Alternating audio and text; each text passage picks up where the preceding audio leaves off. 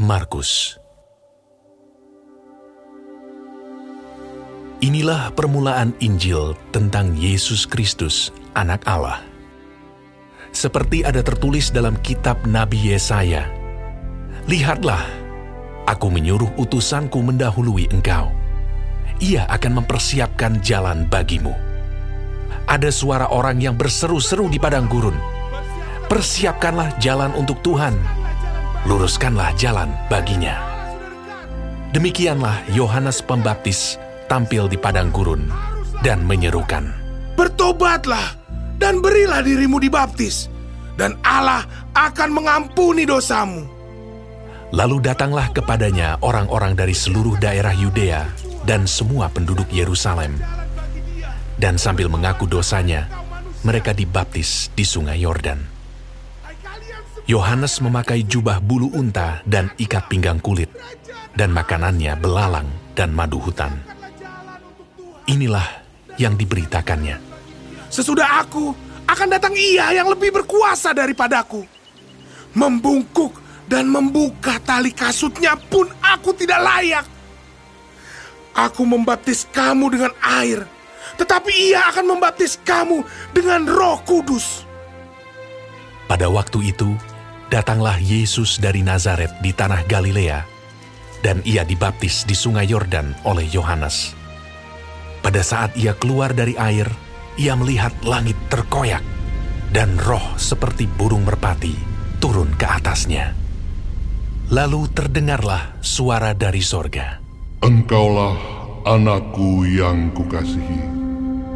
Kepadamulah aku berkenan.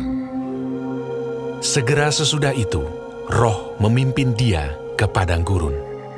Di padang gurun itu, ia tinggal empat puluh hari lamanya, dicobai oleh iblis.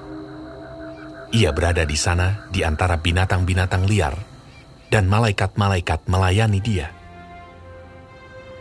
Sesudah Yohanes ditangkap, datanglah Yesus ke Galilea memberitakan Injil Allah. Katanya, Waktunya telah genap. Kerajaan Allah sudah dekat. Bertobatlah dan percayalah kepada Injil. Ketika Yesus sedang berjalan menyusur Danau Galilea, ia melihat Simon dan Andreas, saudara Simon. Mereka sedang menebarkan jala di danau, sebab mereka penjala ikan. Yesus berkata kepada mereka, Mari, ikutlah aku, dan kamu akan kujadikan penjala manusia. Lalu mereka pun segera meninggalkan jalannya dan mengikuti dia. Dan setelah Yesus meneruskan perjalanannya sedikit lagi, dilihatnya Yakobus, anak Zebedeus, dan Yohanes saudaranya sedang membereskan jala di dalam perahu. Yesus segera memanggil mereka, dan mereka meninggalkan ayahnya Zebedeus di dalam perahu bersama orang-orang upahannya, lalu mengikuti dia. Mereka tiba di Kapernaum. Setelah hari Sabat mulai, Yesus segera masuk ke dalam rumah ibadat dan mengajar. Mereka takjub mendengar pengajarannya, sebab ia mengajar mereka sebagai orang yang berkuasa, tidak seperti ahli-ahli Taurat. Pada waktu itu, di dalam rumah ibadat itu, ada seorang yang kerasukan roh jahat. Orang itu berteriak, Apa urusanmu dengan kami? Hai Yesus, orang Nazaret. Kau datang hendak membinasakan kami. Aku tahu siapa engkau. Yang kudus dari Allah. tetapi Yesus menghardiknya. Katanya, Diam! Keluarlah daripadanya! roh jahat itu menggoncang-goncang orang itu. Dan sambil menjerit dengan suara nyaring, ia keluar daripadanya. Mereka semua takjub, sehingga mereka memperbincangkannya. Katanya, Apa ini? Suatu ajaran baru. Ia berkata-kata dengan kuasa. Roh-roh jahat pun diperintahnya, dan mereka taat kepadanya. Lalu tersebarlah dengan cepat kabar tentang dia ke segala penjuru di seluruh Galilea. Sekeluarnya dari rumah ibadat itu, Yesus dengan Yakobus dan Yohanes pergi ke rumah Simon dan Andreas. Ibu mertua Simon terbaring karena sakit demam. Mereka segera memberitahukan keadaannya kepada Yesus. Ia pergi ke tempat perempuan itu, dan sambil memegang tangannya, ia membangunkan dia, lalu lenyaplah demamnya. Kemudian perempuan itu melayani mereka. Menjelang malam, sesudah matahari terbenam, dibawalah kepada Yesus semua orang yang menderita sakit dan yang kerasukan setan. Maka berkerumunlah seluruh penduduk kota itu di depan pintu. Ia menyembuhkan banyak orang yang menderita bermacam-macam penyakit dan mengusir banyak setan. Ia tidak memperbolehkan setan-setan itu berbicara, sebab mereka mengenal dia. Pagi-pagi benar, waktu hari masih gelap, ia bangun dan pergi keluar. Ia pergi ke tempat yang sunyi dan berdoa di sana. Tetapi Simon dan kawan-kawannya menyusul dia. Waktu menemukan dia, mereka berkata, Semua orang mencari engkau. Jawabnya, Marilah kita pergi ke tempat lain, ke kota-kota yang berdekatan, supaya di sana juga aku memberitakan Injil, karena untuk itu aku telah datang. Lalu pergilah ia ke seluruh Galilea dan memberitakan Injil dalam rumah-rumah ibadat mereka dan mengusir setan-setan. Seorang yang sakit kusta datang kepada Yesus dan sambil berlutut di hadapannya, ia memohon bantuannya. Katanya, Kalau engkau mau, engkau dapat mentahirkan aku. maka tergeraklah hatinya oleh belas kasihan. Lalu ia mengulurkan tangannya, menjamah orang itu, dan berkata kepadanya, Aku mau, jadilah engkau tahir. Seketika itu juga lenyaplah penyakit kusta orang itu, dan ia menjadi tahir. Segera ia menyuruh orang itu pergi dengan peringatan keras. Ingatlah, janganlah engkau memberitahukan apa-apa tentang hal ini kepada siapa pun. Tetapi pergilah, perlihatkanlah dirimu kepada imam, dan persembahkanlah untuk pentahiranmu persembahan yang diperintahkan oleh Musa sebagai bukti bagi mereka. Tetapi orang itu pergi memberitakan peristiwa itu dan menyebarkannya ke mana-mana. Sehingga Yesus tidak dapat lagi terang-terangan masuk ke dalam kota. Ia tinggal di luar, di tempat-tempat yang sepi. Namun orang terus juga datang kepadanya dari segala penjuru.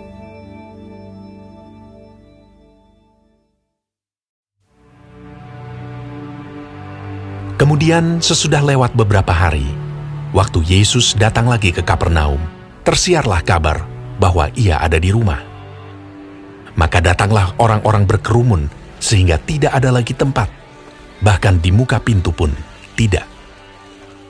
Sementara ia memberitakan firman kepada mereka, ada orang-orang datang membawa kepadanya seorang lumpuh, digotong oleh empat orang. Tetapi mereka tidak dapat membawanya kepadanya karena orang banyak itu. Lalu mereka membuka atap yang di atasnya. Sesudah terbuka, mereka menurunkan tilam tempat orang lumpuh itu terbaring. Ketika Yesus melihat iman mereka, berkatalah ia kepada orang lumpuh itu. Hai anakku, dosamu sudah diampuni. Tetapi di situ ada juga duduk beberapa ahli Taurat. Mereka berpikir dalam hatinya, Mengapa orang ini berkata begitu? Ia menghujat Allah.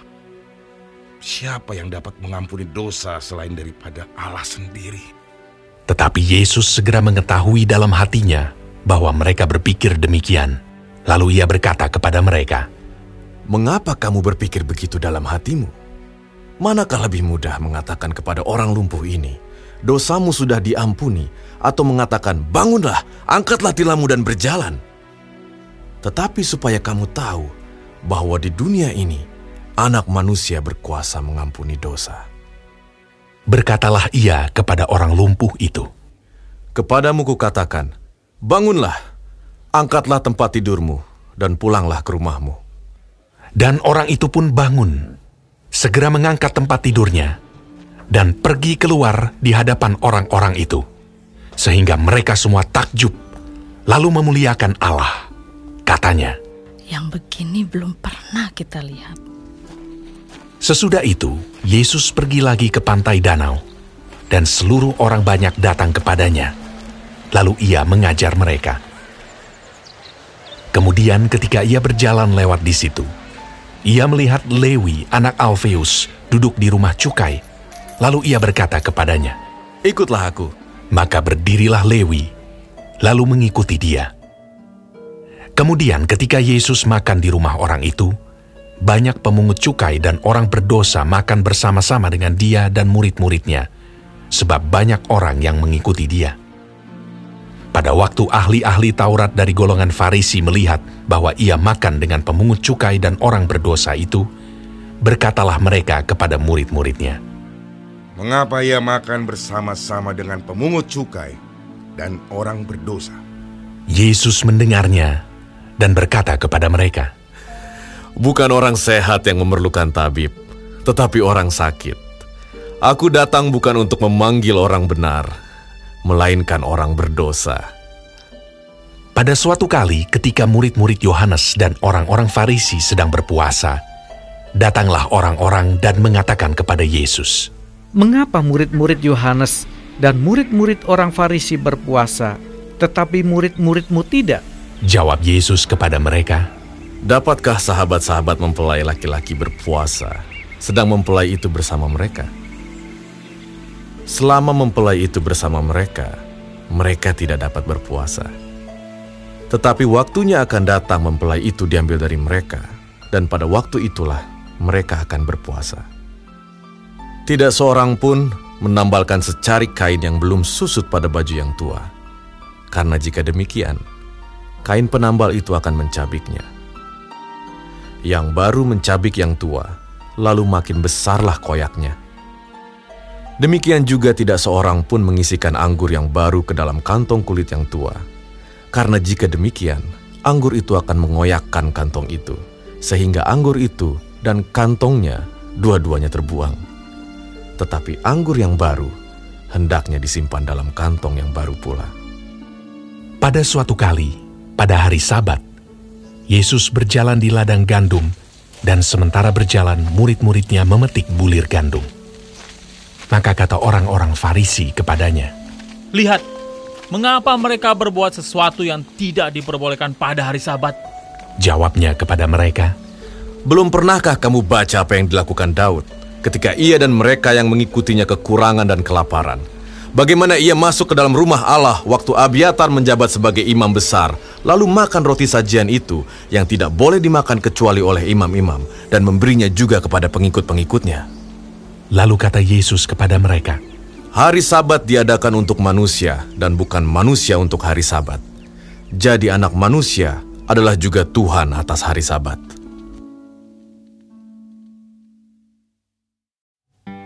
Kemudian Yesus masuk lagi ke rumah ibadat. Di situ ada seorang yang mati sebelah tangannya. Mereka mengamat-amati Yesus kalau-kalau ia menyembuhkan orang itu pada hari Sabat, supaya mereka dapat mempersalahkan dia. Kata Yesus kepada orang yang mati sebelah tangannya itu, Mari, berdirilah di tengah. Kemudian katanya kepada mereka, Manakah yang diperbolehkan pada hari Sabat? Berbuat baik atau berbuat jahat?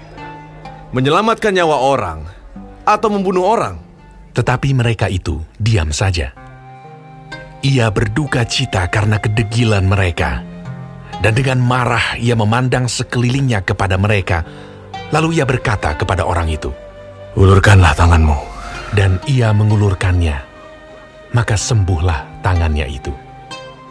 Lalu keluarlah orang-orang Farisi dan segera bersekongkol dengan orang-orang Herodian untuk membunuh dia. Kemudian Yesus dengan murid-muridnya menyingkir ke danau, dan banyak orang dari Galilea mengikutinya.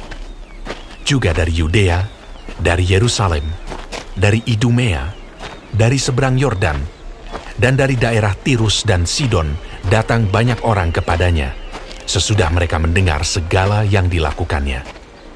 Ia menyuruh murid-muridnya menyediakan sebuah perahu baginya karena orang banyak itu, supaya mereka jangan sampai menghimpitnya. Sebab ia menyembuhkan banyak orang, sehingga semua penderita penyakit berdesak-desakan kepadanya, hendak menjamahnya. Bila mana roh-roh jahat melihat dia, mereka jatuh tersungkur di hadapannya dan berteriak. Engkaulah anak Allah! Ia dengan keras melarang mereka memberitahukan siapa dia. Kemudian naiklah Yesus ke atas bukit. Ia memanggil orang-orang yang dikehendakinya, dan mereka pun datang kepadanya.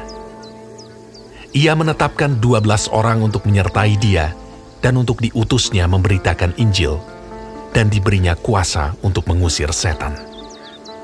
Kedua belas orang yang ditetapkannya itu ialah Simon yang diberinya nama Petrus, Yakobus anak Zebedeus, dan Yohanes saudara Yakobus, yang keduanya diberinya nama Boanerges, yang berarti anak-anak guru. Selanjutnya Andreas, Filipus, Bartolomeus, Matius, Thomas, Yakobus anak Alfeus, Tadeus, Simon orang Zelot, dan Yudas Iskariot yang mengkhianati dia. Kemudian Yesus masuk ke sebuah rumah. Maka datanglah orang banyak berkerumun pula, sehingga makan pun mereka tidak dapat. Waktu kaum keluarganya mendengar hal itu, mereka datang hendak mengambil dia, sebab kata mereka, ia tidak waras lagi. Dan ahli-ahli Taurat yang datang dari Yerusalem berkata, Dia kerasukan Belzebul. Dan dengan penghulu setan, ia mengusir setan. Yesus memanggil mereka, lalu berkata kepada mereka dalam perumpamaan, Bagaimana iblis dapat mengusir iblis? Kalau suatu kerajaan terpecah-pecah, kerajaan itu tidak dapat bertahan.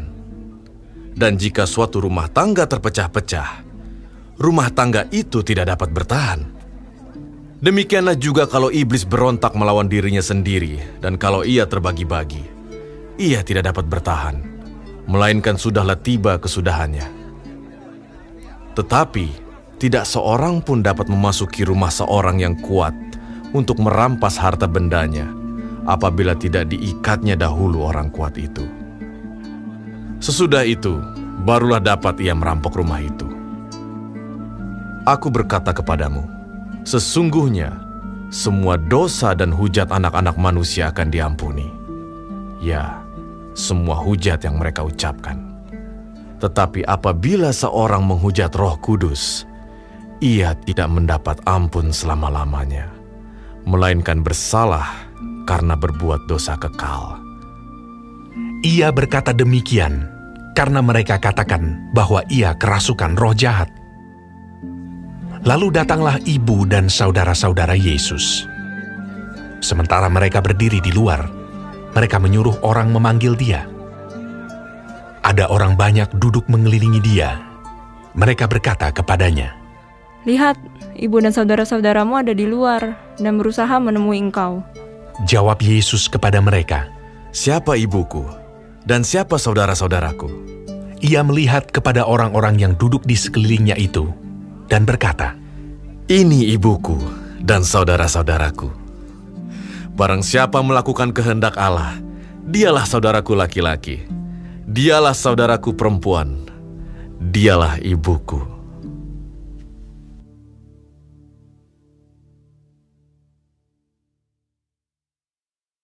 Pada suatu kali, Yesus mulai pula mengajar di tepi danau. Maka datanglah orang banyak yang sangat besar jumlahnya mengerumuni dia. Sehingga ia naik ke sebuah perahu yang sedang berlabuh, lalu duduk di situ. Sedangkan semua orang banyak itu di darat, di tepi danau itu. Dan ia mengajarkan banyak hal dalam perumpamaan kepada mereka. Dalam ajarannya itu, ia berkata kepada mereka, Dengarlah, adalah seorang penabur keluar untuk menabur. Pada waktu ia menabur, sebagian benih itu jatuh di pinggir jalan. Lalu datanglah burung dan memakannya sampai habis. Sebagian jatuh di tanah yang berbatu-batu, yang tidak banyak tanahnya. Lalu benih itu pun segera tumbuh karena tanahnya tipis. Tetapi sesudah matahari terbit, layulah ia dan menjadi kering karena tidak berakar. Sebagian lagi jatuh di tengah semak duri. Lalu makin besarlah semak itu dan menghimpitnya sampai mati, sehingga ia tidak berbuah. Dan sebagian jatuh di tanah yang baik. Ia tumbuh dengan suburnya dan berbuah. Hasilnya ada yang 30 kali lipat, ada yang 60 kali lipat, ada yang 100 kali lipat. Dan katanya, Siapa mempunyai telinga untuk mendengar, hendaklah ia mendengar. Ketika ia sendirian, pengikut-pengikutnya dan kedua belas murid itu menanyakan dia tentang perumpamaan itu. Jawabnya, Kepadamu telah diberikan rahasia kerajaan Allah. Tetapi kepada orang-orang luar, segala sesuatu disampaikan dalam perumpamaan. Supaya sekalipun melihat, mereka tidak menanggap. Sekalipun mendengar, mereka tidak mengerti. Supaya mereka jangan berbalik dan mendapat ampun. Lalu ia berkata kepada mereka, Tidakkah kamu mengerti perumpamaan ini? Kalau demikian, bagaimana kamu dapat memahami semua perumpamaan yang lain? Penabur itu menaburkan firman. Orang-orang yang di pinggir jalan, tempat firman itu ditaburkan, ialah mereka yang mendengar firman. Lalu datanglah iblis dan mengambil firman yang baru ditaburkan di dalam mereka. Demikian juga yang ditaburkan di tanah yang berbatu-batu. Ialah orang-orang yang mendengar firman itu dan segera menerimanya dengan gembira. Tetapi mereka tidak berakar dan tahan sebentar saja. Apabila kemudian datang penindasan atau penganiayaan karena firman itu, mereka segera murtad. Dan yang lain ialah yang ditaburkan di tengah semak duri. Itulah yang mendengar firman itu. Lalu kekhawatiran dunia ini dan tipu daya kekayaan dan keinginan-keinginan akan hal yang lain masuklah menghimpit firman itu sehingga tidak berbuah. Dan akhirnya yang ditaburkan di tanah yang baik ialah orang yang mendengar dan menyambut firman itu lalu berbuah.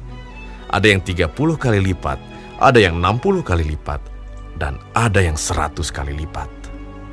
Lalu Yesus berkata kepada mereka, Orang membawa pelita bukan supaya ditempatkan di bawah gantang atau di bawah tempat tidur, melainkan supaya ditaruh di atas kaki Dian. Sebab tidak ada sesuatu yang tersembunyi yang tidak akan dinyatakan, dan tidak ada sesuatu yang rahasia yang tidak akan tersingkap.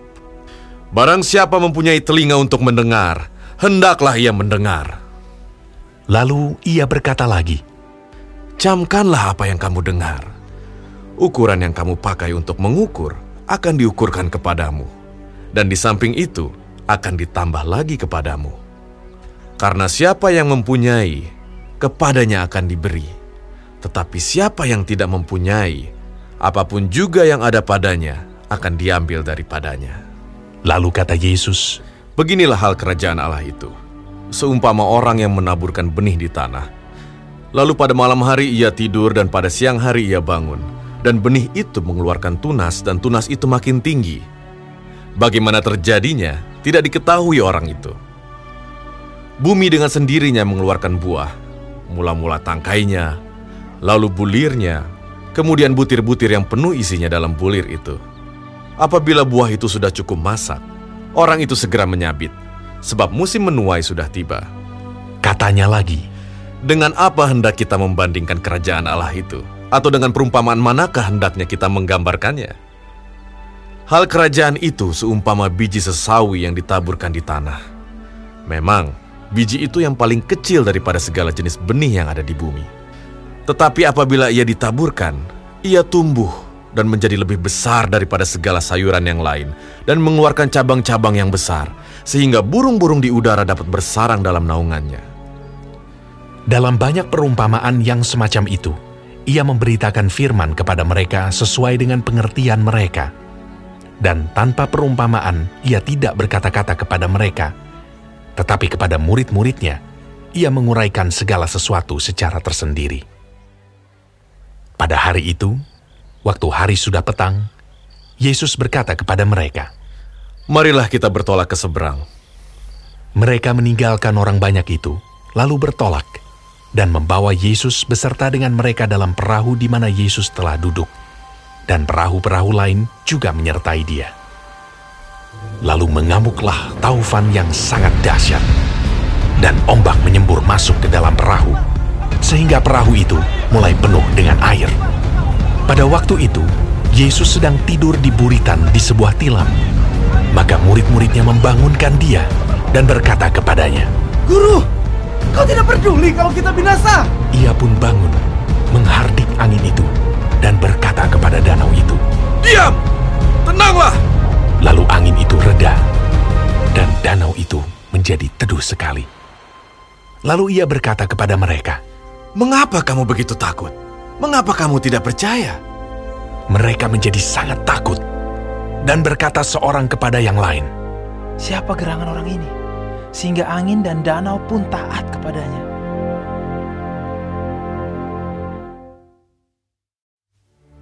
Lalu sampailah mereka di seberang danau, di daerah orang Gerasa. Baru saja Yesus turun dari perahu, datanglah seorang yang kerasukan roh jahat dari pekuburan menemui dia. Orang itu diam di sana, dan tidak ada seorang pun lagi yang sanggup mengikatnya, sekalipun dengan rantai, karena sudah sering ia dibelenggu dan dirantai, tetapi rantainya diputuskannya, dan belenggunya dimusnahkannya sehingga tidak ada seorang pun yang cukup kuat untuk menjinakkannya.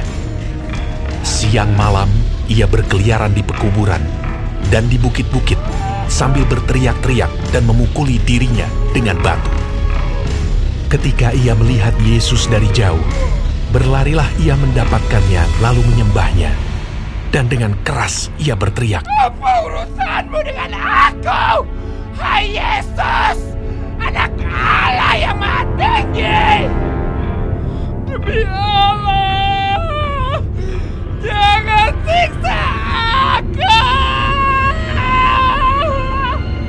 Karena sebelumnya Yesus mengatakan kepadanya, Hai engkau roh jahat, keluar dari orang ini.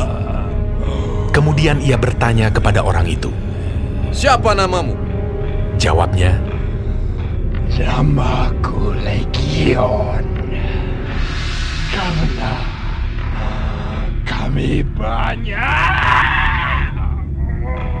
Ia memohon dengan sangat supaya Yesus jangan mengusir roh-roh itu keluar dari daerah itu. Adalah di sana di lereng bukit sejumlah besar babi sedang mencari makan. Lalu roh-roh itu meminta kepadanya. Katanya, Suruhlah kami pindah ke dalam babi-babi itu. Biarkanlah kami memasukinya. Yesus mengabulkan permintaan mereka. Lalu keluarlah roh-roh jahat itu dan memasuki babi-babi itu. Kawanan babi yang kira-kira 2000 jumlahnya itu terjun dari tepi jurang ke dalam danau dan mati lemas di dalamnya. Maka larilah penjaga-penjaga babi itu dan menceritakan hal itu di kota dan di kampung-kampung sekitarnya. Lalu keluarlah orang untuk melihat apa yang terjadi. Mereka datang kepada Yesus dan melihat orang yang kerasukan itu duduk, sudah berpakaian, dan sudah waras. Orang yang tadinya kerasukan legion itu. Maka takutlah mereka. Orang-orang yang telah melihat sendiri hal itu menceritakan kepada mereka tentang apa yang telah terjadi atas orang yang kerasukan setan itu dan tentang babi-babi itu. Lalu mereka mendesak Yesus supaya ia meninggalkan daerah mereka. Pada waktu Yesus naik lagi ke dalam perahu, orang yang tadinya kerasukan setan itu meminta supaya ia diperkenankan menyertai dia. Yesus tidak memperkenankannya, tetapi ia berkata kepada orang itu, Pulanglah ke rumahmu, kepada orang-orang sekampungmu, dan beritahukanlah kepada mereka segala sesuatu yang telah diperbuat oleh Tuhan atasmu, dan bagaimana ia telah mengasihani engkau. Orang itu pun pergilah dan mulai memberitakan di daerah Dekapolis segala apa yang telah diperbuat Yesus atas dirinya, dan mereka semua menjadi heran. Sesudah Yesus menyeberang lagi dengan perahu, orang banyak berbondong-bondong datang lalu mengerumuni dia. Sedang ia berada di tepi danau, datanglah seorang kepala rumah ibadat yang bernama Yairus. Ketika ia melihat Yesus, tersungkurlah ia di depan kakinya dan memohon dengan sangat kepadanya. Anakku perempuan sedang sakit, hampir mati. Datanglah kiranya dan letakkanlah tanganmu atasnya, supaya ia selamat dan tetap hidup. Lalu pergilah Yesus dengan orang itu. Orang banyak berbondong-bondong mengikuti dia dan berdesak-desakan di dekatnya. Adalah di situ seorang perempuan yang sudah 12 tahun lamanya menderita pendarahan. Ia telah berulang-ulang diobati oleh berbagai tabib, sehingga telah dihabiskannya semua yang ada padanya. Namun sama sekali tidak ada faedahnya. Malah sebaliknya, keadaannya makin memburuk. Dia sudah mendengar berita-berita tentang Yesus, maka di tengah-tengah orang banyak itu, ia mendekati Yesus dari belakang dan menjamah jubahnya. Sebab katanya, Asal ku jamah saja jubahnya, aku akan sembuh. seketika itu juga, berhentilah pendarahannya, dan ia merasa bahwa badannya sudah sembuh dari penyakitnya. Pada ketika itu juga, Yesus mengetahui bahwa ada tenaga yang keluar dari dirinya. Lalu ia berpaling di tengah orang banyak dan bertanya, Siapa yang menjamah jubahku? Murid-muridnya menjawab, Engkau melihat bagaimana orang-orang ini berdesak-desakan dekatmu. Dan engkau bertanya siapa yang menjamah aku. Lalu ia memandang sekelilingnya untuk melihat siapa yang telah melakukan hal itu.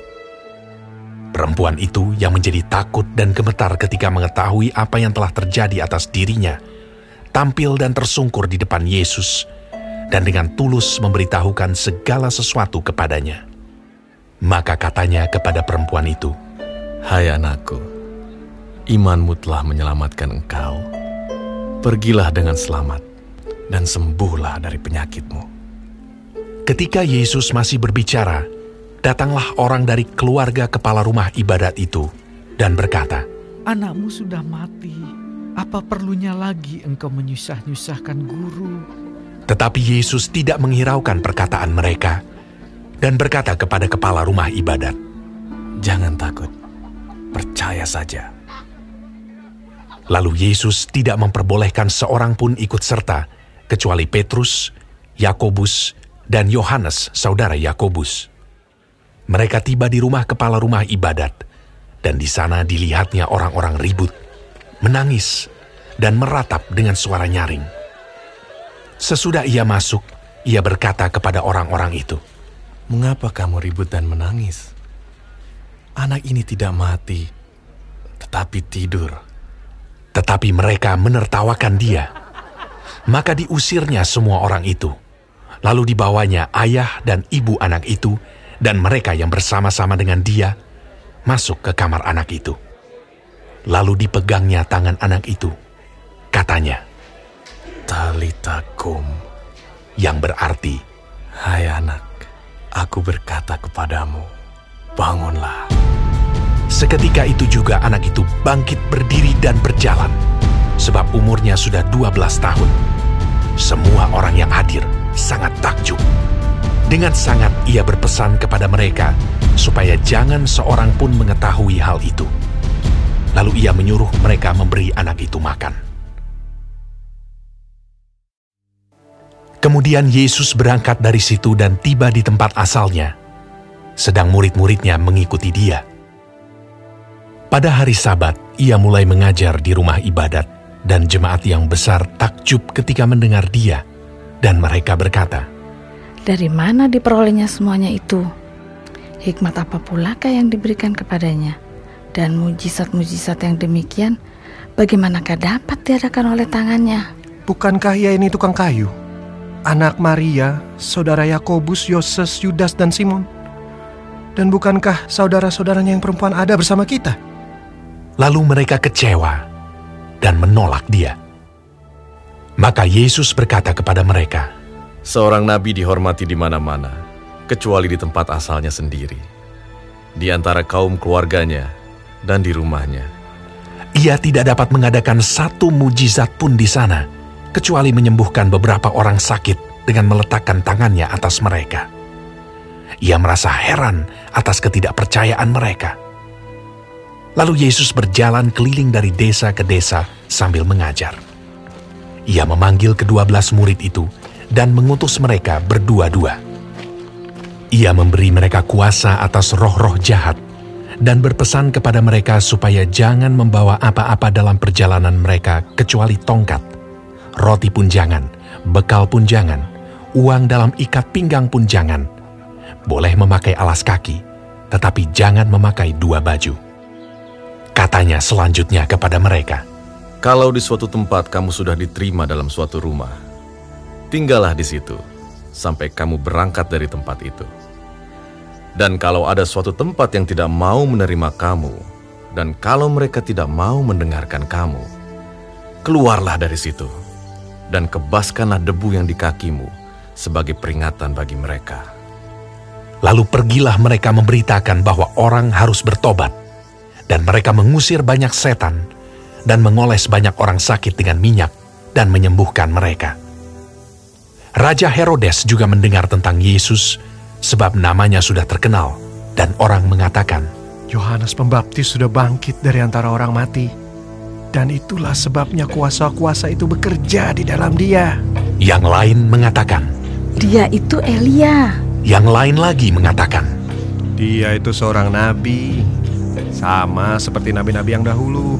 Waktu Herodes mendengar hal itu, ia berkata, Bukan, dia itu Yohanes yang sudah kupenggal kepalanya dan yang bangkit lagi. Sebab memang Herodeslah yang menyuruh orang menangkap Yohanes dan membelenggunya di penjara berhubung dengan peristiwa Herodias, istri Filipus saudaranya, karena Herodes telah mengambilnya sebagai istri. Karena Yohanes pernah menegur Herodes. Tidak halal engkau mengambil istri saudaramu. Karena itu, Herodias menaruh dendam pada Yohanes dan bermaksud untuk membunuh dia, tetapi tidak dapat, sebab Herodes segan akan Yohanes karena ia tahu bahwa Yohanes adalah orang yang benar dan suci. Jadi ia melindunginya. Tetapi apabila ia mendengarkan Yohanes, hatinya selalu terombang-ambing. Namun ia merasa senang juga mendengarkan dia. Akhirnya tiba juga kesempatan yang baik bagi Herodias. Ketika Herodes pada hari ulang tahunnya mengadakan perjamuan untuk pembesar-pembesarnya, perwira-perwiranya, dan orang-orang terkemuka di Galilea. Pada waktu itu, anak perempuan Herodias tampil lalu menari, dan ia menyukakan hati Herodes dan tamu-tamunya. Raja berkata kepada gadis itu, Minta daripadaku apa saja yang kau ingini, maka akan kuberikan kepadamu. Lalu bersumpah kepadanya, Apa saja yang kau minta akan kuberikan kepadamu, sekalipun setengah dari kerajaanku. Anak itu pergi dan menanyakan ibunya. Apa yang harus kuminta? Jawabnya, Kepala Yohanes Pembaptis. maka cepat-cepat ia pergi kepada raja dan meminta. Aku mau supaya sekarang juga engkau berikan kepadaku kepala Yohanes Pembaptis di sebuah talam. Lalu sangat sedihlah hati raja.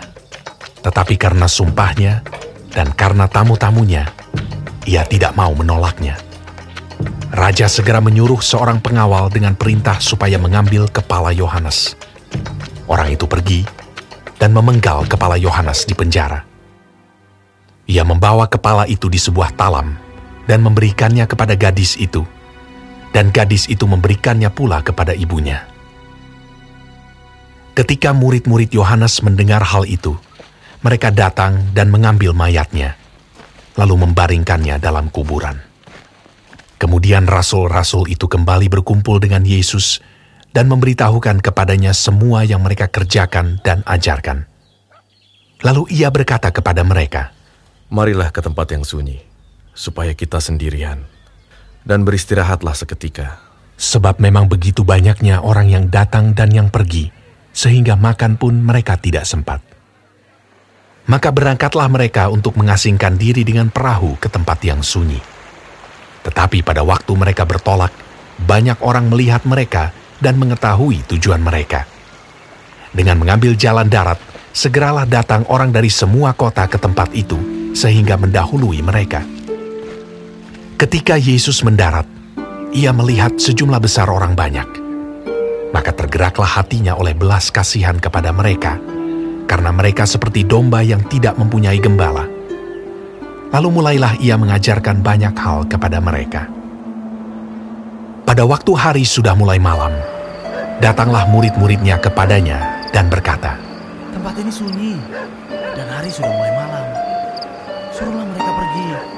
Supaya mereka dapat membeli makanan di desa-desa dan di kampung-kampung di sekitar ini. Tetapi jawabnya, Kamu harus memberi mereka makan. kata mereka kepadanya, Jadi, haruskah kami membeli roti seharga 200 dinar untuk memberi mereka makan? tetapi ia berkata kepada mereka, Berapa banyak roti yang ada padamu? Cobalah periksa. Sesudah memeriksanya, mereka berkata, Lima roti dan dua ikan. Lalu ia menyuruh orang-orang itu supaya semua duduk berkelompok-kelompok di atas rumput hijau. Maka duduklah mereka berkelompok-kelompok. Ada yang seratus, ada yang lima puluh orang. Dan setelah ia mengambil lima roti dan dua ikan itu, ia menengadah ke langit dan mengucap berkat, lalu memecah-mecahkan roti itu dan memberikannya kepada murid-muridnya, supaya dibagi-bagikan kepada orang-orang itu. Begitu juga kedua ikan itu dibagi-bagikannya kepada semua mereka. Dan mereka semuanya makan sampai kenyang. Kemudian orang mengumpulkan potongan-potongan roti, 12 bakul penuh, selain daripada sisa-sisa ikan. Yang ikut makan roti itu ada 5.000 orang laki-laki. Sesudah itu, Yesus segera memerintahkan murid-muridnya naik ke perahu dan berangkat lebih dulu ke seberang, ke Betsaida. Sementara itu ia menyuruh orang banyak pulang. Setelah ia berpisah dari mereka, ia pergi ke bukit untuk berdoa. Ketika hari sudah malam, perahu itu sudah di tengah danau, sedang Yesus tinggal sendirian di darat. Ketika ia melihat betapa payahnya mereka mendayung karena angin sakal, maka kira-kira jam tiga malam ia datang kepada mereka, berjalan di atas air, dan ia hendak melewati mereka. Ketika mereka melihat dia berjalan di atas air, mereka mengira bahwa ia adalah hantu. Lalu mereka berteriak-teriak, sebab mereka semua melihat dia, dan mereka pun sangat terkejut. Tetapi segera ia berkata kepada mereka, Tenanglah, aku ini. Jangan takut. Lalu ia naik ke perahu mendapatkan mereka, dan angin pun redalah. Mereka sangat tercengang dan bingung, sebab sesudah peristiwa roti itu, mereka belum juga mengerti, dan hati mereka tetap degil. Setibanya di seberang, Yesus dan murid-muridnya mendarat di Genesaret dan berlabuh di situ. Ketika mereka keluar dari perahu, orang segera mengenal Yesus. Maka berlari-larilah mereka ke seluruh daerah itu dan mulai mengusung orang-orang sakit di atas tilamnya kepada Yesus di mana saja kabarnya ia berada. Ke mana pun ia pergi, ke desa-desa, ke kota-kota, atau ke kampung-kampung, orang meletakkan orang-orang sakit di pasar dan memohon kepadanya supaya mereka diperkenankan hanya menjamah jumbai jubahnya saja. Dan semua orang yang menjamahnya menjadi sembuh.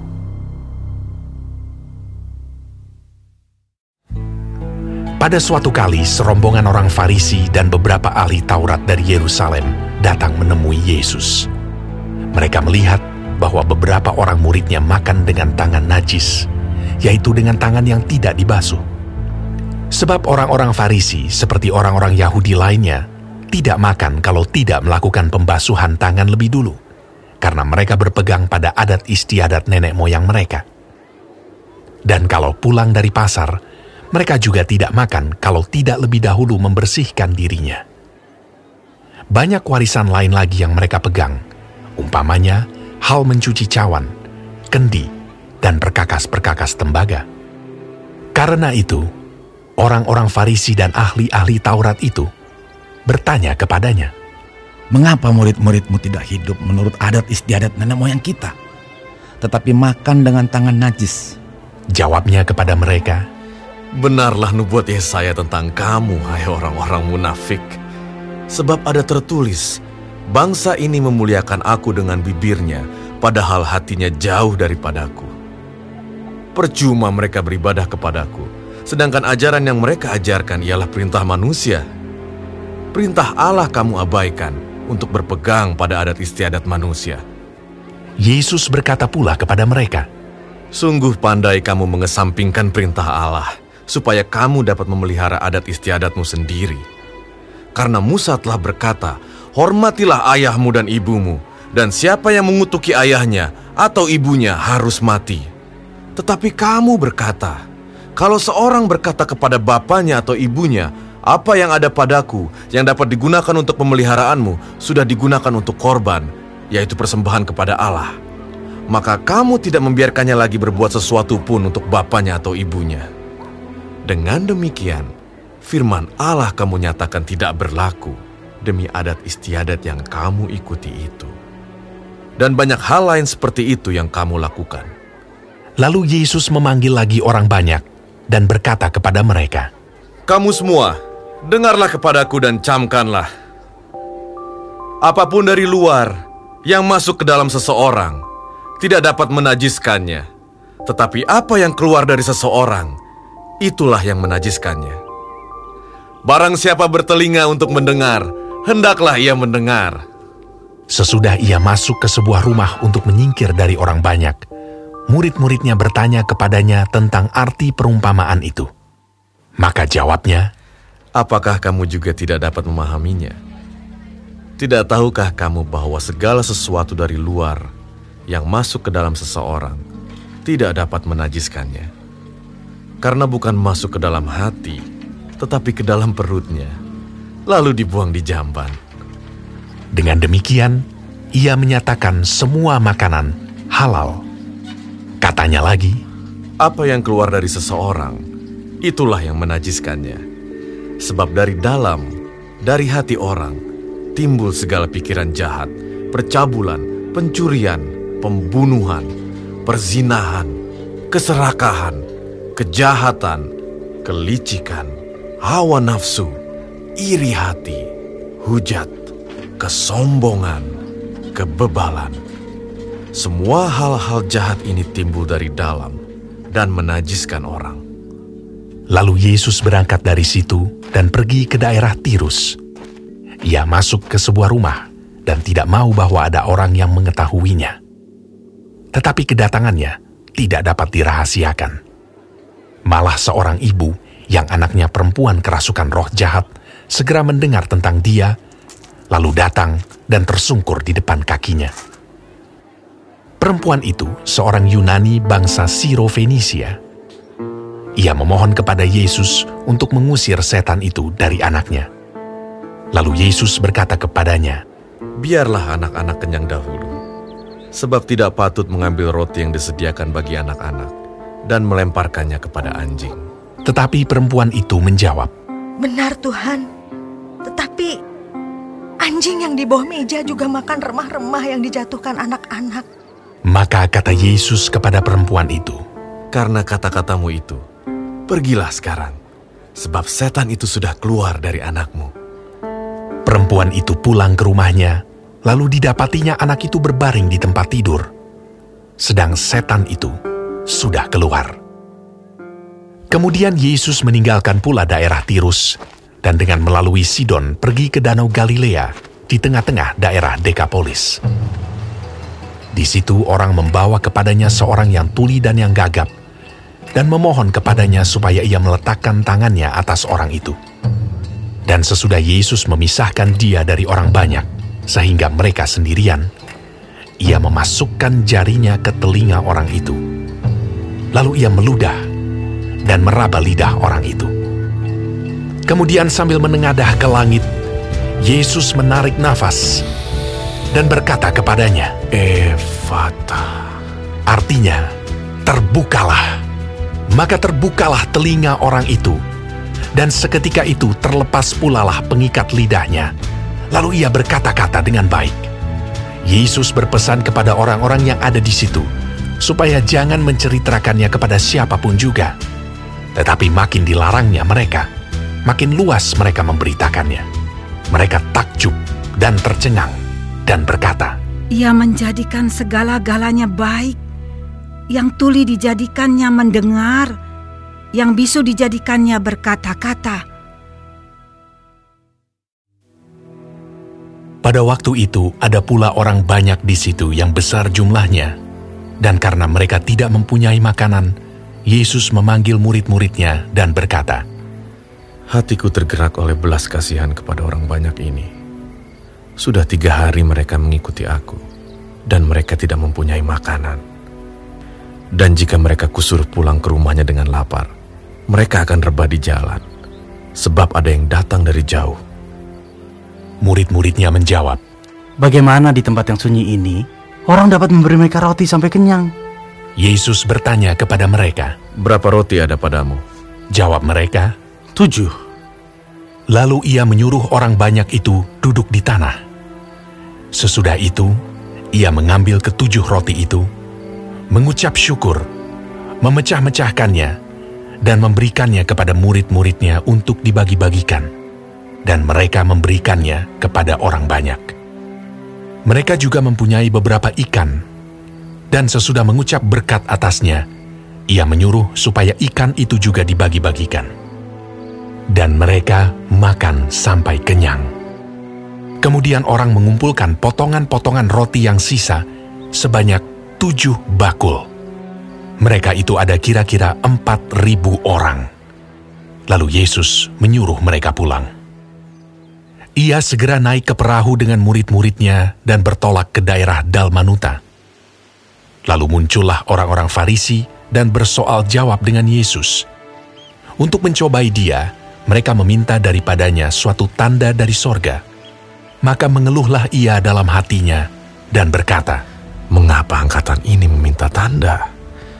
Aku berkata kepadamu, sesungguhnya kepada angkatan ini sekali-kali tidak akan diberi tanda. Ia meninggalkan mereka. Ia naik pula ke perahu dan bertolak ke seberang. Kemudian ternyata murid-murid Yesus lupa membawa roti, hanya sebuah saja yang ada pada mereka dalam perahu. Lalu Yesus memperingatkan mereka. Katanya, Berjaga-jagalah dan awaslah terhadap ragi orang Farisi dan ragi Herodes. Maka mereka berpikir-pikir dan seorang berkata kepada yang lain, Itu dikatakannya karena kita tidak mempunyai roti. Dan ketika Yesus mengetahui apa yang mereka perbincangkan, ia berkata, Mengapa kamu memperbincangkan soal tidak ada roti? Belum jugakah kamu faham dan mengerti? Telah dekilkah hatimu? Kamu mempunyai mata. Tidakkah kamu melihat? Dan kamu mempunyai telinga. Tidakkah kamu mendengar? Tidakkah kamu ingat lagi pada waktu aku memecah-mecahkan lima roti untuk lima ribu orang itu? Berapa bakul penuh potongan-potongan roti kamu kumpulkan? Jawab mereka, Dua belas bakul. Dan pada waktu tujuh roti untuk empat ribu orang itu, berapa bakul penuh potongan-potongan roti kamu kumpulkan? Jawab mereka, Tujuh bakul. Lalu katanya kepada mereka, Masihkah kamu belum mengerti?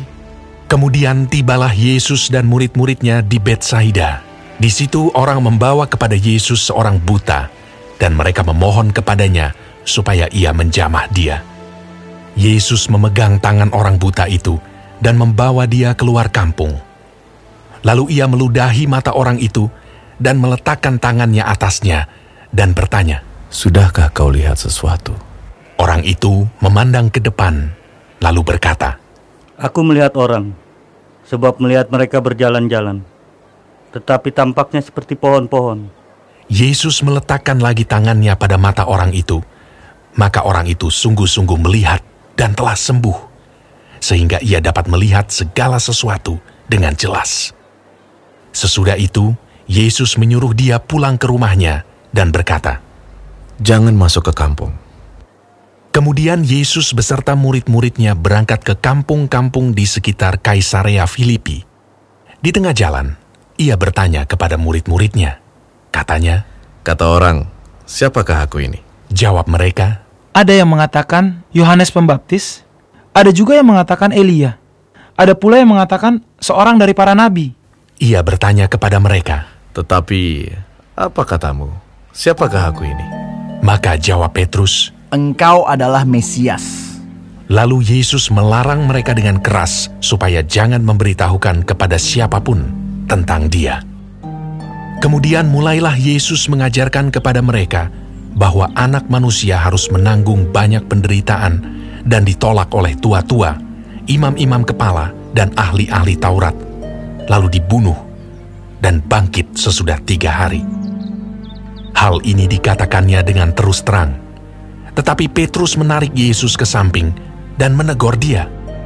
Maka berpalinglah Yesus dan sambil memandang murid-muridnya ia memarahi Petrus, katanya, Nyala iblis, sebab engkau bukan memikirkan apa yang dipikirkan Allah, melainkan apa yang dipikirkan manusia. Lalu Yesus memanggil orang banyak dan murid-muridnya dan berkata kepada mereka, Setiap orang yang mau mengikut aku, ia harus menyangkal dirinya, memikul salibnya, dan mengikut aku. Karena siapa yang mau menyelamatkan nyawanya, ia akan kehilangan nyawanya. Tetapi barang siapa kehilangan nyawanya karena aku dan karena Injil, ia akan menyelamatkannya. Apa gunanya seorang memperoleh seluruh dunia, tetapi ia kehilangan nyawanya? Karena apakah yang dapat diberikannya sebagai ganti nyawanya? Sebab barang siapa malu karena aku dan karena perkataanku di tengah-tengah angkatan yang tidak setia dan berdosa ini, anak manusia pun akan malu karena orang itu. Apabila ia datang kelak dalam kemuliaan Bapaknya diiringi malaikat-malaikat kudus.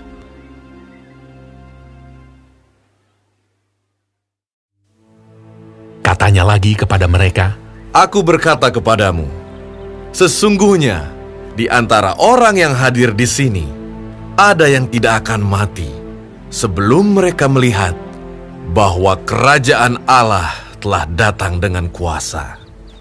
Enam hari kemudian, Yesus membawa Petrus, Yakobus, dan Yohanes, dan bersama-sama dengan mereka ia naik ke sebuah gunung yang tinggi. Di situ mereka sendirian saja. Lalu Yesus berubah rupa di depan mata mereka, dan pakaiannya sangat putih berkilat-kilat. Tidak ada seorang pun di dunia ini yang dapat mengelantang pakaian seperti itu. Maka nampaklah kepada mereka Elia bersama dengan Musa. Keduanya sedang berbicara dengan Yesus. Kata Petrus kepada Yesus, Rabi, betapa bahagianya kami berada di tempat ini. Baiklah kami dirikan sekarang tiga kemah. Satu untuk engkau, satu untuk Musa, dan satu untuk Elia. Ia berkata demikian, sebab tidak tahu apa yang harus dikatakannya, karena mereka sangat ketakutan. Maka datanglah awan menaungi mereka, dan dari dalam awan itu terdengar suara. Inilah anak yang kukasihi. Dengarkanlah dia. Dan sekonyong-konyong waktu mereka memandang sekeliling mereka, mereka tidak melihat seorang pun lagi bersama mereka, kecuali Yesus seorang diri. Pada waktu mereka turun dari gunung itu, Yesus berpesan kepada mereka supaya mereka jangan menceritakan kepada seorang pun apa yang telah mereka lihat itu sebelum anak manusia bangkit dari antara orang mati. Mereka memegang pesan tadi sambil mempersoalkan di antara mereka apa yang dimaksud dengan bangkit dari antara orang mati. Lalu mereka bertanya kepadanya, Mengapa ahli-ahli Taurat berkata bahwa Elia harus datang dahulu? Jawab Yesus, Memang, Elia akan datang dahulu dan memulihkan segala sesuatu. Hanya, bagaimanakah dengan yang ada tertulis mengenai anak manusia? Bahwa ia akan banyak menderita dan akan dihinakan. Tetapi aku berkata kepadamu, memang Elia sudah datang, dan orang memperlakukan dia menurut kehendak mereka, sesuai dengan yang ada tertulis tentang dia. Ketika Yesus, Petrus, Yakobus, dan Yohanes kembali pada murid-murid lain, mereka melihat orang banyak mengerumuni murid-murid itu, dan beberapa ahli Taurat sedang mempersoalkan sesuatu dengan mereka. Pada waktu orang banyak itu melihat Yesus, tercenganglah mereka semua dan bergegas menyambut dia. Lalu Yesus bertanya kepada mereka, Apa yang kamu persoalkan dengan mereka? Kata seorang dari orang banyak itu, Guru, anakku ini kubawa kepadamu karena ia kerasukan roh yang membisukan dia. Dan setiap kali roh itu menyerang dia, roh itu membantingkannya ke tanah. Lalu mulutnya berbusa, giginya bekertakan, dan tubuhnya menjadi kejang. Aku sudah meminta kepada murid-muridmu supaya mereka mengusir roh itu, tetapi mereka tidak dapat. Maka kata Yesus kepada mereka, Hai kamu angkatan yang tidak percaya, berapa lama lagi aku harus tinggal di antara kamu? Berapa lama lagi aku harus sabar terhadap kamu? Bawalah anak itu kemari. Lalu mereka membawanya kepadanya. Waktu roh itu melihat Yesus, anak itu segera digoncang-goncangnya, dan anak itu terpelanting ke tanah dan terguling-guling, sedang mulutnya berbusa. Lalu Yesus bertanya kepada ayah anak itu, Sudah berapa lama ia mengalami ini? Jawabnya, Sejak masa kecilnya. Dan sering kali roh itu menyeretnya ke dalam api ataupun ke dalam air untuk membinasakannya. Sebab itu, jika engkau dapat berbuat sesuatu, tolonglah kami dan kasihanilah kami. Jawab Yesus, Katamu, jika engkau dapat, tidak ada yang mustahil bagi orang yang percaya. Segera ayah anak itu berteriak. Aku percaya. Tolonglah aku yang tidak percaya ini.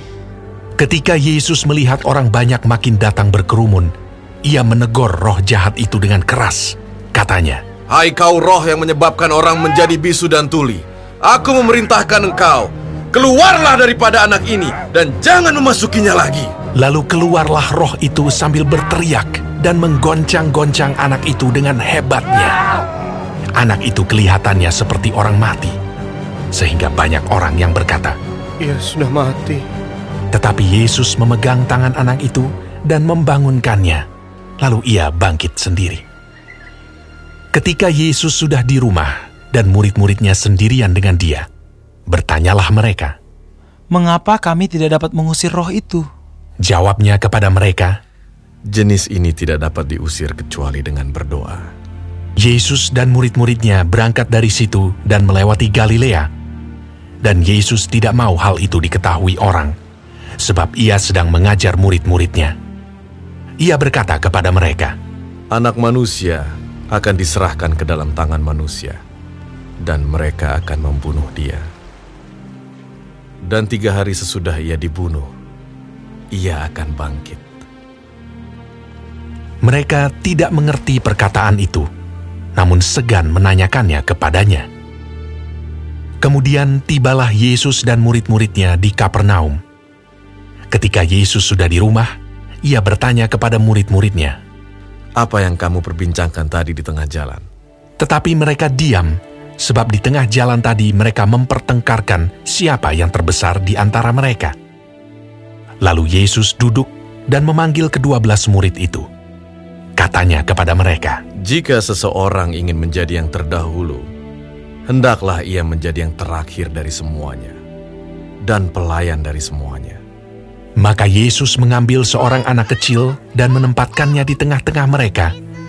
Kemudian ia memeluk anak itu dan berkata kepada mereka, Barang siapa menyambut seorang anak seperti ini dalam namaku, ia menyambut aku.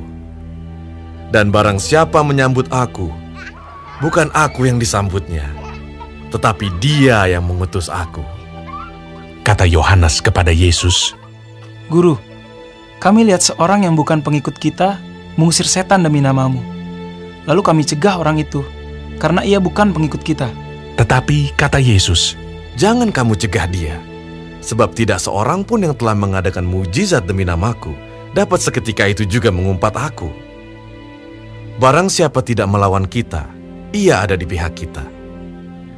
Aku berkata kepadamu, sesungguhnya barang siapa memberi kamu minum secangkir air, oleh karena kamu adalah pengikut Kristus, ia tidak akan kehilangan upahnya.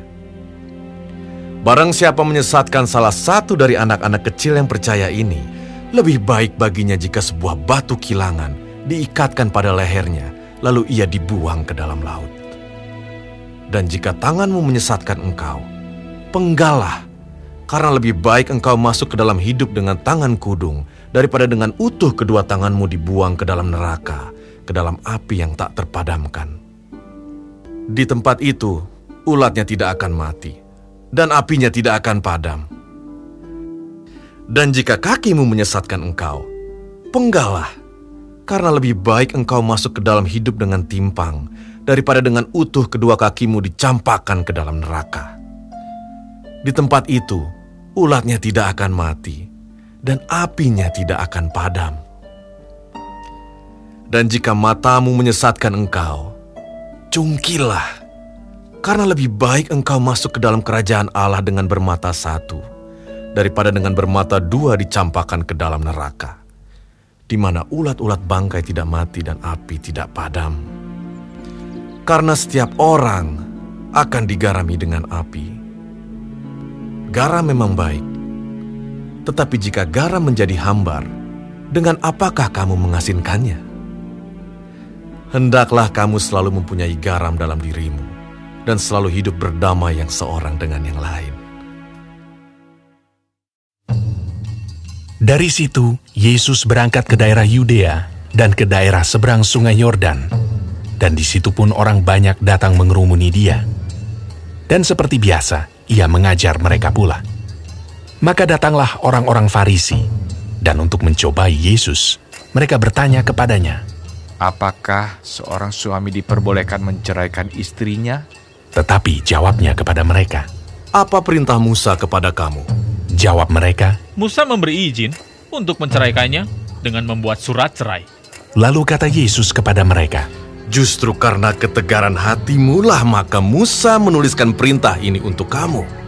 Sebab pada awal dunia, Allah menjadikan mereka laki-laki dan perempuan. Sebab itu, laki-laki akan meninggalkan ayahnya dan ibunya dan bersatu dengan istrinya, sehingga keduanya itu menjadi satu daging. Demikianlah mereka bukan lagi dua, melainkan satu. Karena itu, apa yang telah dipersatukan Allah tidak boleh diceraikan manusia. Ketika mereka sudah di rumah, murid-murid itu bertanya pula kepada Yesus tentang hal itu. Lalu katanya kepada mereka, Barang siapa menceraikan istrinya, lalu kawin dengan perempuan lain, ia hidup dalam perzinahan terhadap istrinya itu. Dan jika si istri menceraikan suaminya dan kawin dengan laki-laki lain, ia berbuat zina.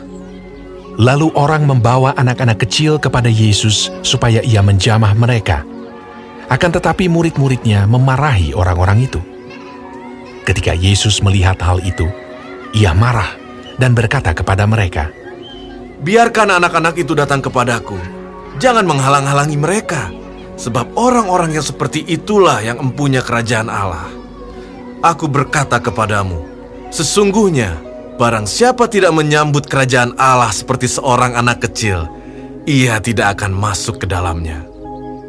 Lalu ia memeluk anak-anak itu, dan sambil meletakkan tangannya atas mereka, ia memberkati mereka.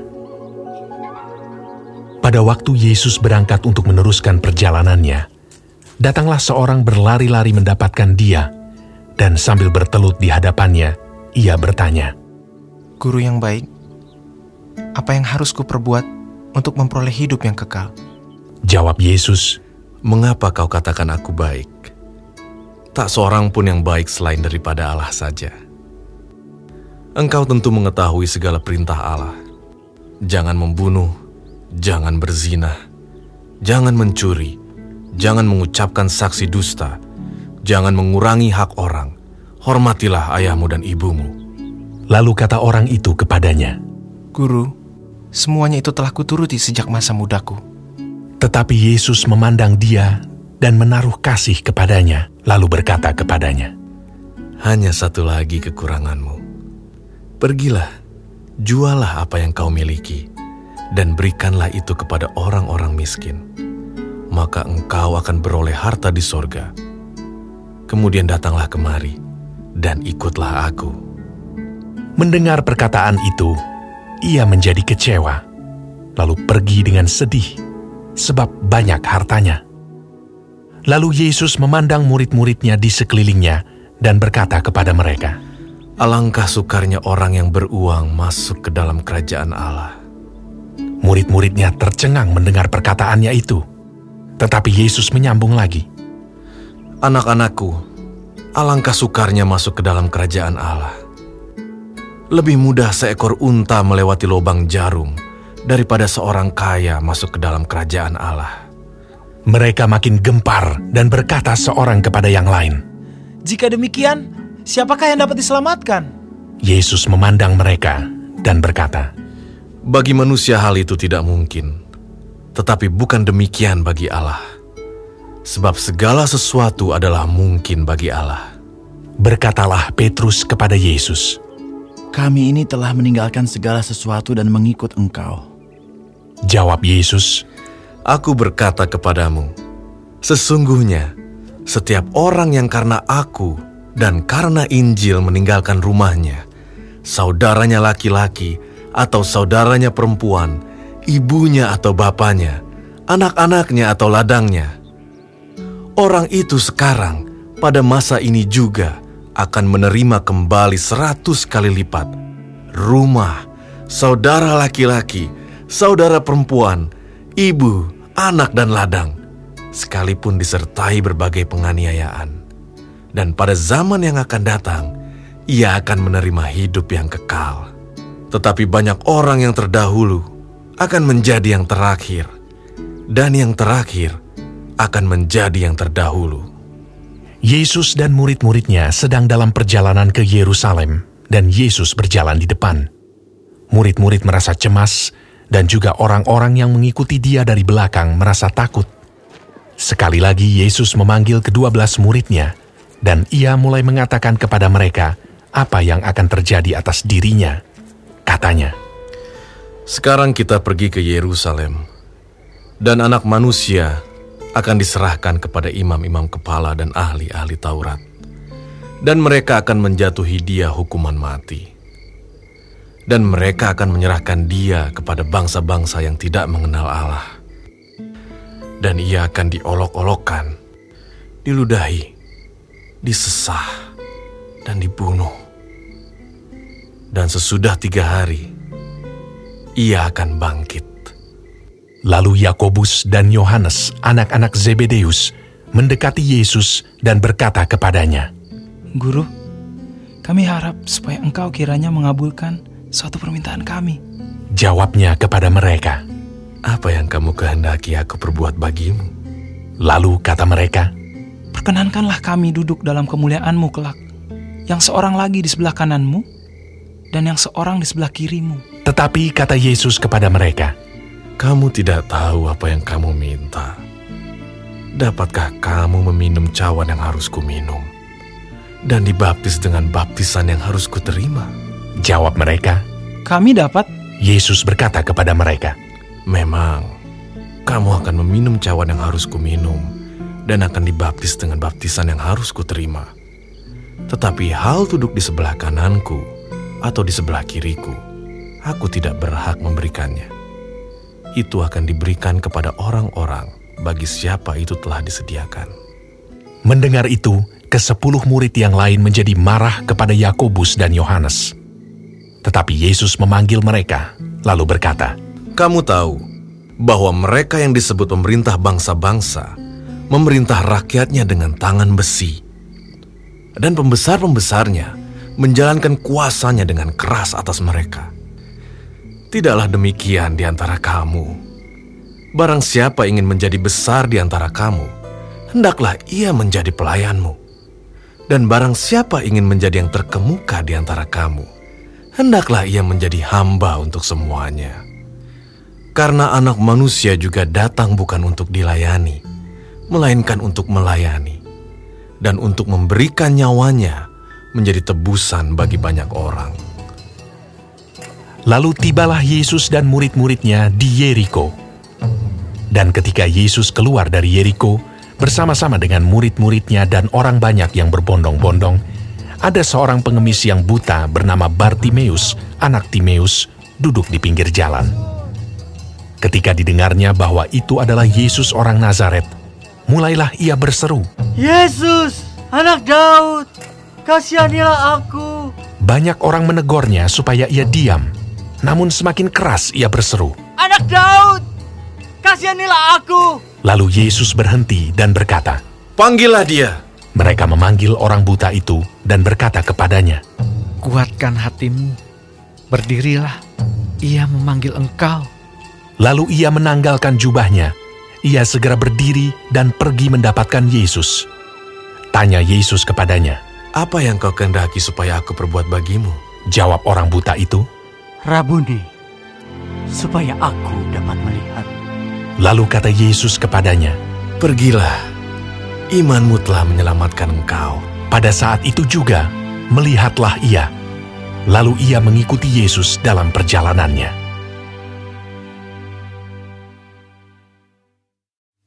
Ketika Yesus dan murid-muridnya telah dekat Yerusalem, dekat Betfage dan Betania yang terletak di Bukit Zaitun, Yesus menyuruh dua orang muridnya dengan pesan, Pergilah ke kampung yang di depanmu itu. Pada waktu kamu masuk di situ, kamu akan segera menemukan seekor keledai muda tertambat yang belum pernah ditunggangi orang. Lepaskan keledai itu dan bawalah kemari. Dan jika ada orang mengatakan kepadamu, "Mengapa kamu lakukan itu?" Jawablah, "Tuhan memerlukannya. Ia akan segera mengembalikannya ke sini." Mereka pun pergi dan menemukan seekor keledai muda tertambat di depan pintu di luar, di pinggir jalan, lalu melepaskannya. Dan beberapa orang yang ada di situ berkata kepada mereka, Apa maksudnya kamu melepaskan keledai itu? Lalu mereka menjawab seperti yang sudah dikatakan Yesus. Maka orang-orang itu membiarkan mereka. Lalu mereka membawa keledai itu kepada Yesus dan mengalasinya dengan pakaian mereka. Kemudian Yesus naik ke atasnya. Banyak orang yang menghamparkan pakaiannya di jalan. Ada pula yang menyebarkan ranting-ranting hijau yang mereka ambil dari ladang. Orang-orang yang berjalan di depan dan mereka yang mengikuti dari belakang berseru, Hosana! Diberkatilah dia yang datang dalam nama Tuhan. Diberkatilah kerajaan yang datang. Kerajaan Bapa kita Daud. Hosana di tempat yang maha tinggi. Sesampainya di Yerusalem, ia masuk ke bait Allah. Di sana, ia meninjau semuanya. Tetapi sebab hari sudah hampir malam, ia keluar ke Betania bersama dengan kedua belas muridnya.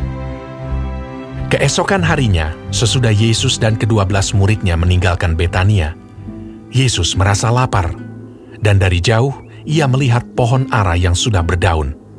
Ia mendekatinya untuk melihat kalau-kalau ia mendapat apa-apa pada pohon itu.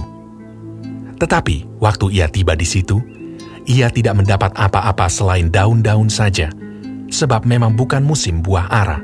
Maka katanya kepada pohon itu, Jangan lagi seorang pun makan buahmu selama-lamanya.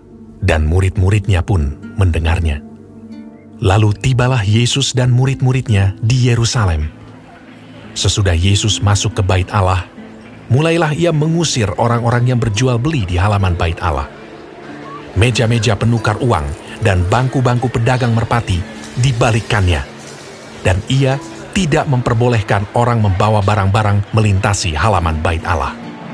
Lalu ia mengajar mereka, katanya, Bukankah ada tertulis, rumahku akan disebut rumah doa bagi segala bangsa? Tetapi kamu ini telah menjadikannya sarang penyamun. Imam-imam kepala dan ahli-ahli Taurat mendengar tentang peristiwa itu, dan mereka berusaha untuk membinasakan dia, sebab mereka takut kepadanya, melihat seluruh orang banyak takjub akan pengajarannya. Menjelang malam, mereka keluar lagi dari kota. Pagi-pagi ketika Yesus dan murid-muridnya lewat, mereka melihat pohon ara tadi sudah kering sampai ke akar-akarnya. Maka teringatlah Petrus akan apa yang telah terjadi. Lalu ia berkata kepada Yesus, Rabi, lihatlah, pohon ara yang kau kutuk itu sudah kering. Yesus menjawab mereka, Percayalah kepada Allah. Aku berkata kepadamu, sesungguhnya barang siapa berkata kepada gunung ini, beranjaklah dan tercampaklah ke dalam laut, asal tidak bimbang hatinya, tetapi percaya bahwa apa yang dikatakannya itu akan terjadi, maka hal itu akan terjadi baginya. Karena itu aku berkata kepadamu, apa saja yang kamu minta dan doakan, percayalah bahwa kamu telah menerimanya, maka hal itu akan diberikan kepadamu. Dan jika kamu berdiri untuk berdoa, ampunilah dahulu sekiranya ada barang sesuatu dalam hatimu terhadap seseorang, supaya juga Bapamu yang di sorga mengampuni kesalahan-kesalahanmu. Tetapi jika kamu tidak mengampuni, maka Bapamu yang di sorga juga tidak akan mengampuni kesalahan-kesalahanmu. Lalu Yesus dan murid-muridnya tiba pula di Yerusalem.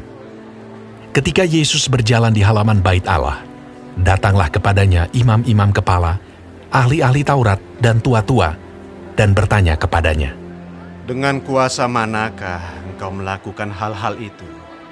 Dan siapakah yang memberikan kuasa itu kepadamu? Sehingga engkau melakukan hal-hal itu? Jawab Yesus kepada mereka, Aku akan mengajukan satu pertanyaan kepadamu. Berikanlah aku jawabnya, maka aku akan mengatakan kepadamu dengan kuasa manakah aku melakukan hal-hal itu. Baptisan Yohanes itu dari sorga atau dari manusia? Berikanlah aku jawabnya. Mereka memperbincangkannya di antara mereka dan berkata, Jikalau kita katakan dari sorga, ia akan berkata, kalau begitu mengapakah kamu tidak percaya kepadanya? Tetapi masakan kita katakan dari manusia? Sebab mereka takut kepada orang banyak, karena semua orang menganggap bahwa Yohanes betul-betul seorang nabi. Lalu mereka menjawab Yesus, Kami tidak tahu. Maka kata Yesus kepada mereka, Jika demikian, aku juga tidak mengatakan kepadamu dengan kuasa manakah aku melakukan hal-hal itu.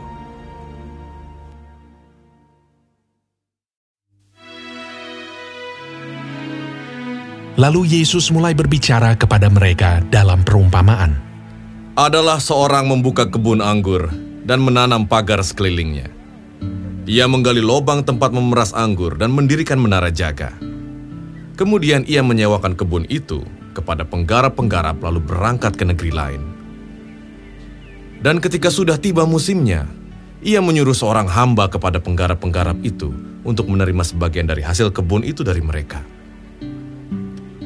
Tetapi mereka menangkap hamba itu dan memukulnya, lalu menyuruhnya pergi dengan tangan hampa. Kemudian ia menyuruh pula seorang hamba lain kepada mereka. Orang ini mereka pukul sampai luka kepalanya dan sangat mereka permalukan.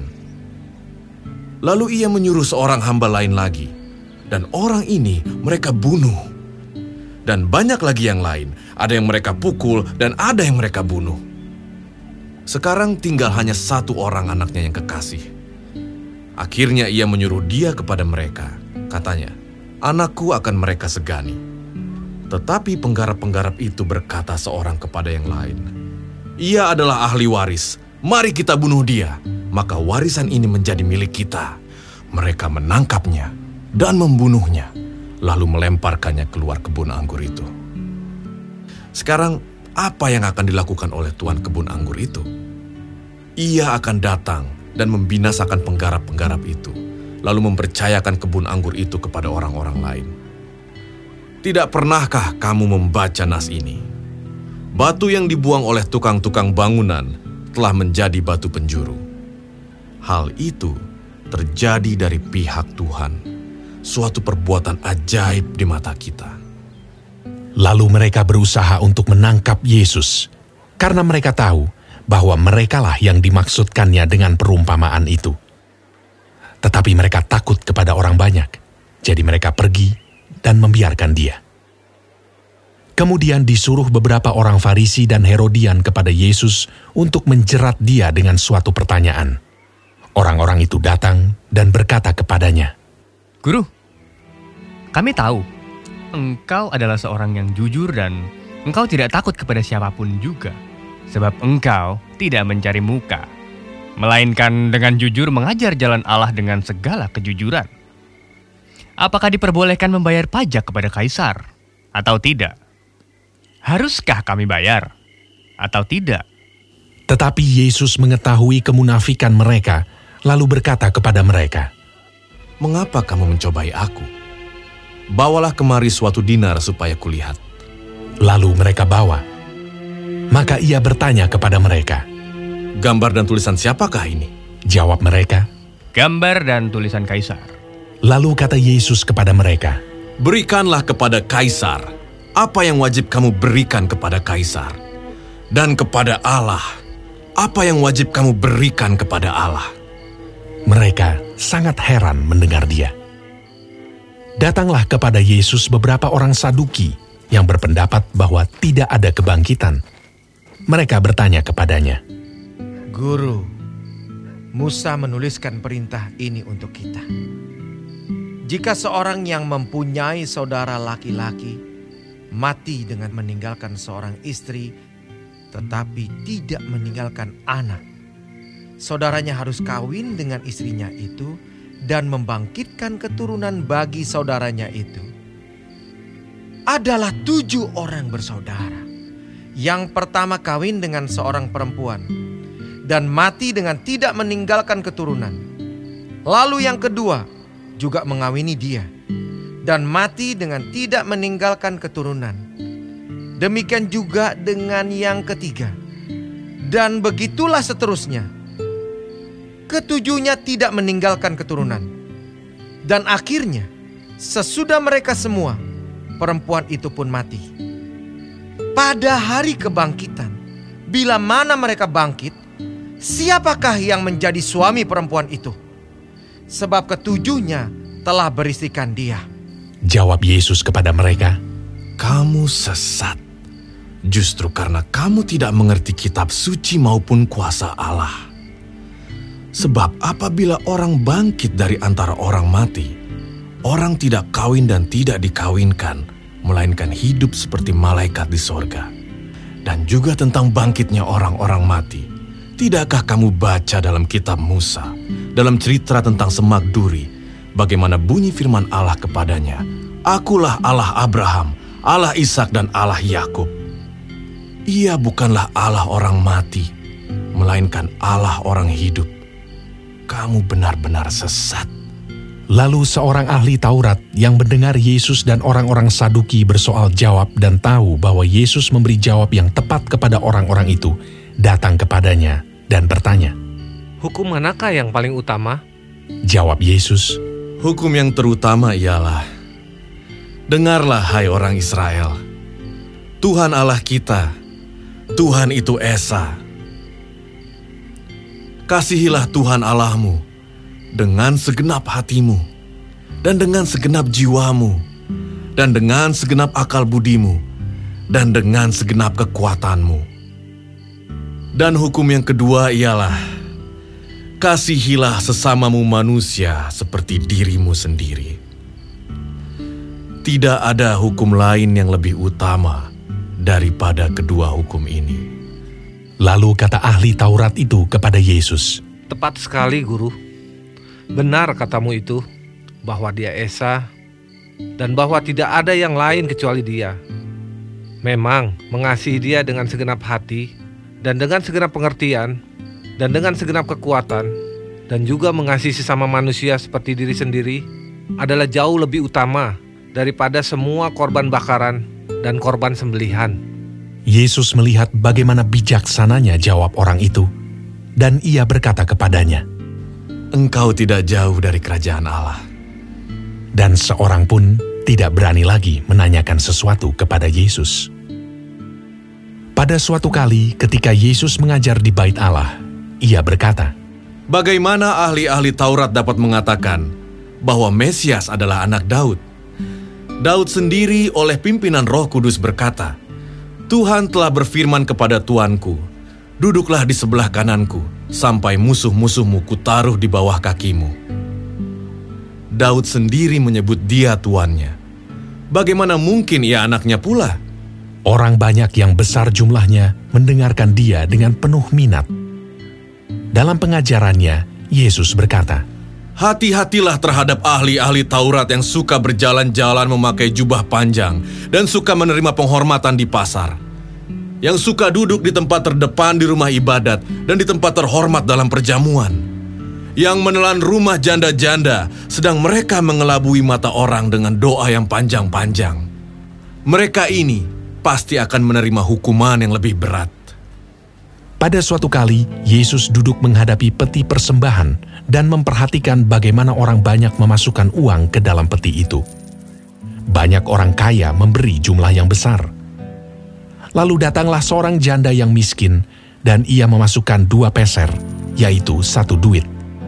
Maka dipanggilnya murid-muridnya, dan berkata kepada mereka, Aku berkata kepadamu, sesungguhnya janda miskin ini memberi lebih banyak daripada semua orang yang memasukkan uang ke dalam peti persembahan. Sebab mereka semua memberi dari kelimpahannya, tetapi janda ini memberi dari kekurangannya. Semua yang ada padanya, yaitu seluruh nafkahnya.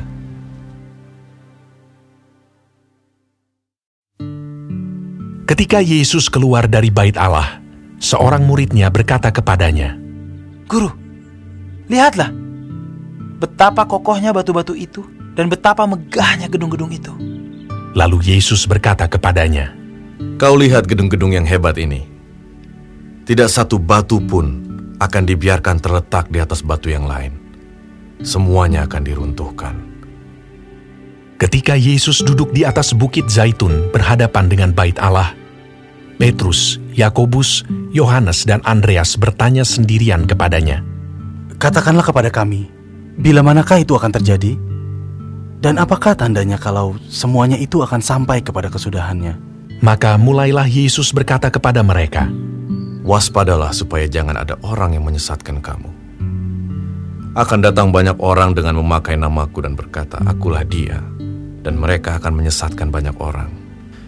Dan apabila kamu mendengar deru perang atau kabar-kabar tentang perang, janganlah kamu gelisah. Semuanya itu harus terjadi, tetapi itu belum kesudahannya. Sebab bangsa akan bangkit melawan bangsa, dan kerajaan melawan kerajaan. Akan terjadi gempa bumi di berbagai tempat, dan akan ada kelaparan. Semua itu barulah permulaan penderitaan menjelang zaman baru. Tetapi kamu ini, hati-hatilah. Kamu akan diserahkan kepada majelis agama, dan kamu akan dipukul di rumah ibadat, dan kamu akan dihadapkan ke muka penguasa-penguasa dan raja-raja karena aku, sebagai kesaksian bagi mereka.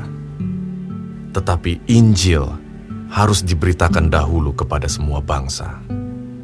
Dan jika kamu digiring dan diserahkan, janganlah kamu khawatir akan apa yang harus kamu katakan, tetapi katakanlah apa yang dikaruniakan kepadamu pada saat itu juga.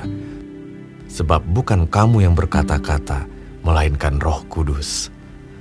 Seorang saudara akan menyerahkan saudaranya untuk dibunuh. Demikian juga seorang ayah terhadap anaknya.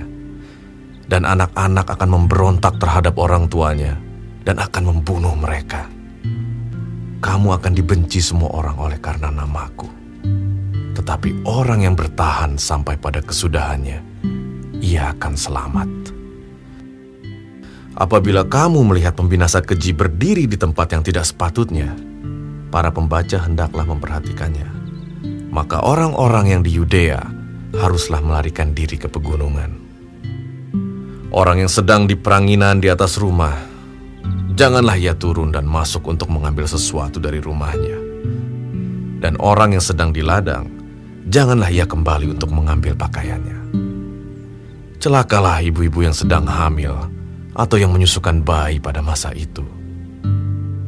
Berdoalah supaya semuanya itu jangan terjadi pada musim dingin. Sebab pada masa itu akan terjadi siksaan seperti yang belum pernah terjadi sejak awal dunia yang diciptakan Allah sampai sekarang dan yang tidak akan terjadi lagi. Dan sekiranya Tuhan tidak mempersingkat waktunya, maka dari segala yang hidup tidak akan ada yang selamat.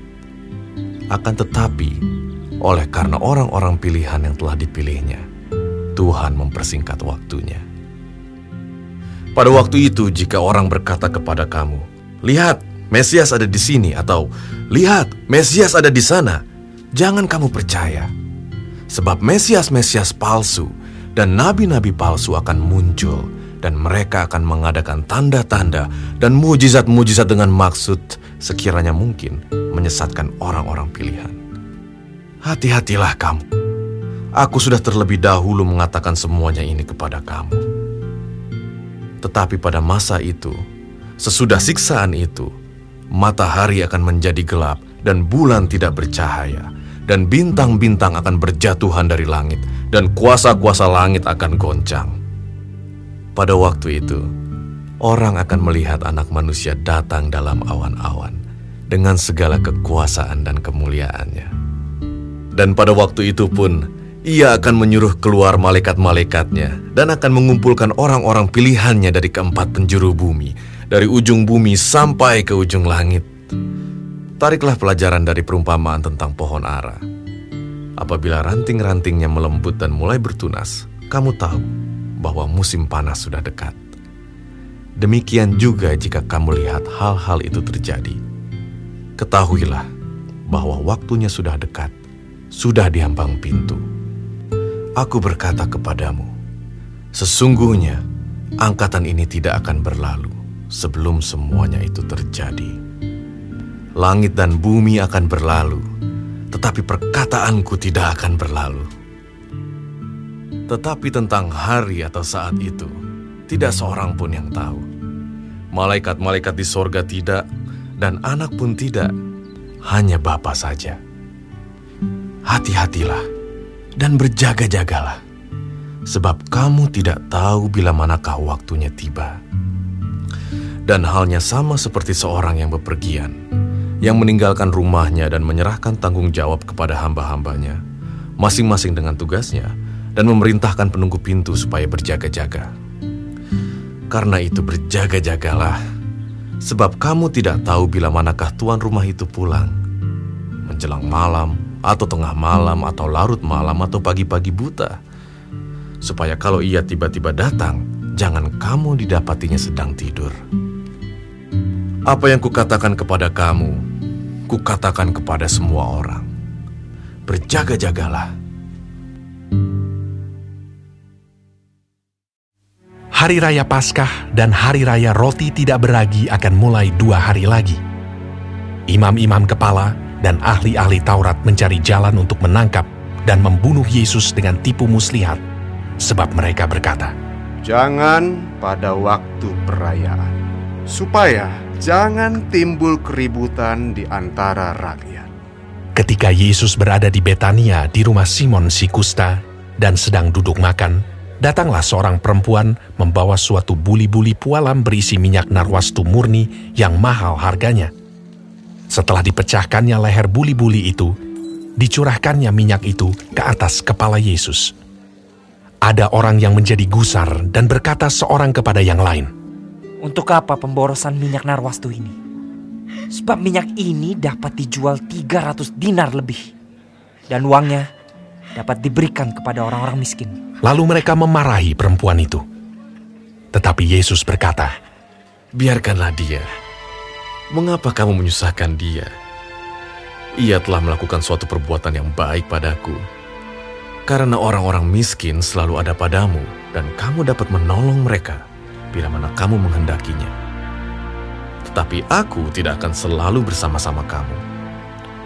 Ia telah melakukan apa yang dapat dilakukannya. Tubuhku telah diminyakinya sebagai persiapan untuk penguburanku. Aku berkata kepadamu, sesungguhnya di mana saja Injil diberitakan di seluruh dunia, apa yang dilakukannya ini akan disebut juga untuk mengingat dia. Lalu pergilah Yudas Iskariot, salah seorang dari kedua belas murid itu kepada imam-imam kepala dengan maksud untuk menyerahkan Yesus kepada mereka. Mereka sangat gembira waktu mendengarnya, dan mereka berjanji akan memberikan uang kepadanya. Kemudian ia mencari kesempatan yang baik untuk menyerahkan Yesus. Pada hari pertama dari hari raya roti tidak beragi, pada waktu orang menyembelih domba Paskah, murid-murid Yesus berkata kepadanya, Ke tempat mana engkau kehendaki kami pergi untuk mempersiapkan perjamuan Paskah bagimu? Lalu ia menyuruh dua orang muridnya dengan pesan, Pergilah ke kota. Di sana kamu akan bertemu dengan seorang yang membawa kendi berisi air.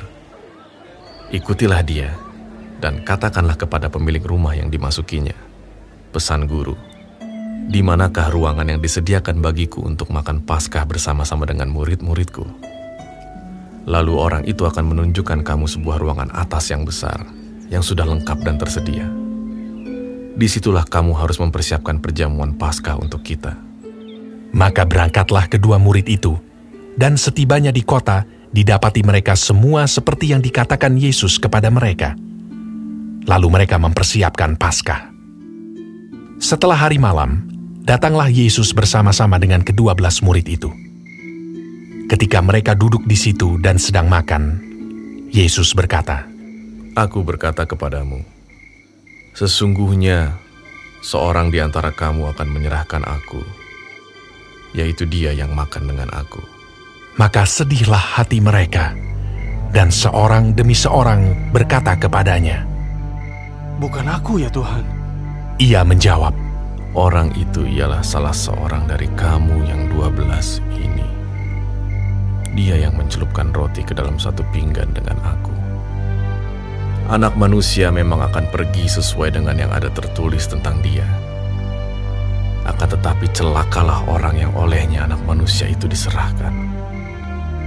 Adalah lebih baik bagi orang itu sekiranya ia tidak dilahirkan. Dan ketika Yesus dan murid-muridnya sedang makan, Yesus mengambil roti, mengucap berkat, memecah-mecahkannya, lalu memberikannya kepada mereka dan berkata, Ambillah, inilah tubuhku.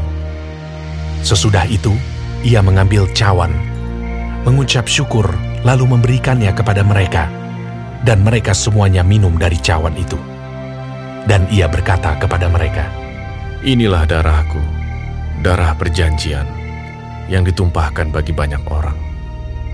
Aku berkata kepadamu, sesungguhnya aku tidak akan minum lagi hasil pokok anggur sampai pada hari aku meminumnya, yaitu yang baru dalam kerajaan Allah. Sesudah mereka menyanyikan nyanyian pujian, pergilah mereka ke Bukit Zaitun. Lalu Yesus berkata kepada mereka, Kamu semua akan tergoncang imanmu, sebab ada tertulis, Aku akan memukul gembala dan domba-domba itu akan tercerai-berai. Akan tetapi sesudah aku bangkit, aku akan mendahului kamu ke Galilea. Kata Petrus kepadanya, Biarpun mereka semua tergoncang imannya, aku tidak. Lalu kata Yesus kepadanya, Aku berkata kepadamu, sesungguhnya pada hari ini, malam ini juga, sebelum ayam berkokok dua kali, engkau telah menyangkal aku tiga kali. Tetapi dengan lebih bersungguh-sungguh, Petrus berkata, Sekalipun aku harus mati bersama-sama engkau, aku takkan menyangkal engkau. Semua yang lain pun berkata demikian juga. Lalu sampailah Yesus dan murid-muridnya ke suatu tempat yang bernama Getsemani. Kata Yesus kepada murid-muridnya, Duduklah di sini sementara aku berdoa. Dan ia membawa Petrus, Yakobus, dan Yohanes sertanya. Ia sangat takut dan gentar. Lalu katanya kepada mereka, Hatiku sangat sedih, seperti mau mati rasanya. Tinggallah di sini dan berjaga-jagalah. Ia maju sedikit, merebahkan diri ke tanah dan berdoa, supaya sekiranya mungkin saat itu lalu daripadanya. Katanya, Ya Aba, Ya Bapa, tidak ada yang mustahil bagimu. Ambillah cawan ini daripadaku. Tetapi janganlah apa yang aku kehendaki, melainkan apa yang engkau kehendaki. Setelah itu ia datang kembali dan mendapati ketiganya sedang tidur. Dan ia berkata kepada Petrus, Simon, sedang tidurkah engkau? Tidakkah engkau sanggup berjaga-jaga satu jam? Berjaga-jagalah dan berdoalah, supaya kamu jangan jatuh ke dalam pencobaan. Roh memang penurut, tetapi daging lemah. Lalu ia pergi lagi dan mengucapkan doa yang itu juga. Dan ketika ia kembali pula, ia mendapati mereka sedang tidur, sebab mata mereka sudah berat dan mereka tidak tahu jawab apa yang harus mereka berikan kepadanya. Kemudian ia kembali untuk ketiga kalinya dan berkata kepada mereka, Tidurlah sekarang dan istirahatlah. Cukuplah. Saatnya sudah tiba. Lihat, anak manusia diserahkan ke tangan orang-orang berdosa. Bangunlah, marilah kita pergi. Dia yang menyerahkan aku sudah dekat. Waktu Yesus masih berbicara, muncullah Yudas, salah seorang dari kedua belas murid itu, dan bersama-sama dia serombongan orang yang membawa pedang dan pentung, disuruh oleh imam-imam kepala, ahli-ahli Taurat, dan tua-tua. Orang yang menyerahkan dia telah memberitahukan tanda ini kepada mereka. Orang yang akan kucium, itulah dia. Tangkaplah dia dan bawalah dia dengan selamat. Dan ketika ia sampai di situ, ia segera maju mendapatkan Yesus dan berkata, Rabi, lalu mencium dia. Maka mereka memegang Yesus dan menangkapnya. Salah seorang dari mereka yang ada di situ menghunus pedangnya, lalu menetakkannya kepada hamba imam besar, sehingga putus telinganya. Kata Yesus kepada mereka, Sangkamu aku ini penyamun, maka kamu datang lengkap dengan pedang dan pentung untuk menangkap aku. Padahal tiap-tiap hari aku ada di tengah-tengah kamu mengajar di bait Allah, dan kamu tidak menangkap aku. Tetapi haruslah digenapi yang tertulis dalam kitab suci. Lalu semua murid itu meninggalkan dia dan melarikan diri. Ada seorang muda yang pada waktu itu hanya memakai sehelai kain lenan untuk menutup badannya mengikuti dia. Mereka hendak menangkapnya, tetapi ia melepaskan kainnya dan lari dengan telanjang. Kemudian Yesus dibawa menghadap imam besar. Lalu semua imam kepala, tua-tua dan ahli Taurat berkumpul di situ. Dan Petrus mengikuti dia dari jauh sampai ke dalam halaman imam besar. Dan di sana ia duduk di antara pengawal-pengawal sambil berdiam dekat api. Imam-imam kepala, malah seluruh mahkamah agama mencari kesaksian terhadap Yesus supaya ia dapat dihukum mati. Tetapi mereka tidak memperolehnya. Banyak juga orang yang mengucapkan kesaksian palsu terhadap dia, tetapi kesaksian-kesaksian itu tidak sesuai yang satu dengan yang lain. Lalu beberapa orang naik saksi melawan dia dengan tuduhan palsu ini. Kami sudah mendengar orang ini berkata, Aku akan merubuhkan bait suci buatan tangan manusia ini, dan dalam tiga hari akan kudirikan yang lain, yang bukan buatan tangan manusia. Dalam hal ini pun, kesaksian mereka tidak sesuai yang satu dengan yang lain. Maka imam besar bangkit berdiri di tengah-tengah sidang dan bertanya kepada Yesus, katanya, Tidakkah engkau memberi jawab atas tuduhan-tuduhan saksi-saksi ini terhadap engkau? Tetapi ia tetap diam dan tidak menjawab apa-apa. Imam besar itu bertanya kepadanya sekali lagi, katanya, Apakah engkau Mesias, anak dari yang terpuji? Jawab Yesus, Akulah dia. Dan kamu akan melihat anak manusia duduk di sebelah kanan yang maha kuasa. Dan datang di tengah-tengah awan-awan di langit. Maka imam besar itu mengoyakkan pakaiannya dan berkata, Untuk apa kita perlu saksi lagi? Kamu sudah mendengar hujatnya terhadap Allah. Bagaimana pendapat kamu? Lalu dengan suara bulat mereka memutuskan bahwa dia harus dihukum mati. Lalu mulailah beberapa orang meludahi dia dan menutupi mukanya dan meninjunya sambil berkata kepadanya, Hai Nabi, cobalah terkah. Malah para pengawal pun memukul dia. Pada waktu itu Petrus masih ada di bawah, di halaman. Lalu datanglah seorang hamba perempuan imam besar, dan ketika perempuan itu melihat Petrus sedang berdiam, ia menatap mukanya dan berkata, Engkau juga selalu bersama-sama dengan Yesus, orang Nazaret itu. Tetapi ia menyangkalnya dan berkata, Aku tidak tahu dan tidak mengerti apa yang kau maksud. Lalu ia pergi ke serambi muka, dan berkokoklah ayam. Ketika hamba perempuan itu melihat Petrus lagi, berkatalah ia pula kepada orang-orang yang ada di situ. Orang ini adalah salah seorang dari mereka. Tetapi Petrus menyangkalnya pula. Tidak lama kemudian orang-orang yang ada di situ berkata juga kepada Petrus, Engkau ini pasti salah seorang dari mereka. Apalagi engkau seorang Galilea. Maka mulailah Petrus mengutuk dan bersumpah. Aku tidak kenal orang yang kamu sebut-sebut ini. Dan pada saat itu, berkokoklah ayam untuk kedua kalinya. Maka teringatlah Petrus bahwa Yesus telah berkata kepadanya, Sebelum ayam berkokok dua kali, engkau telah menyangkal aku tiga kali. Lalu menangislah ia terseduh-seduh.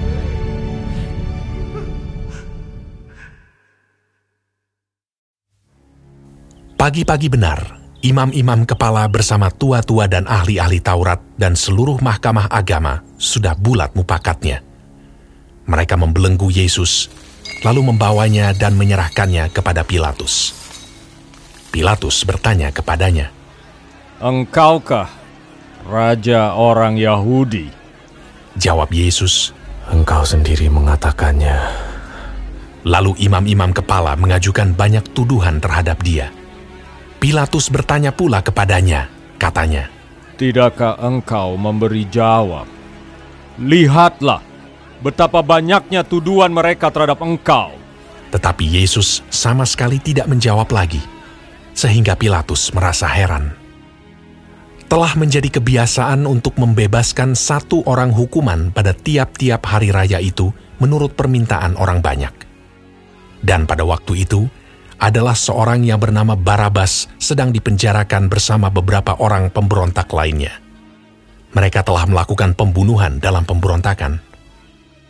Maka datanglah orang banyak dan meminta supaya sekarang kebiasaan itu diikuti juga.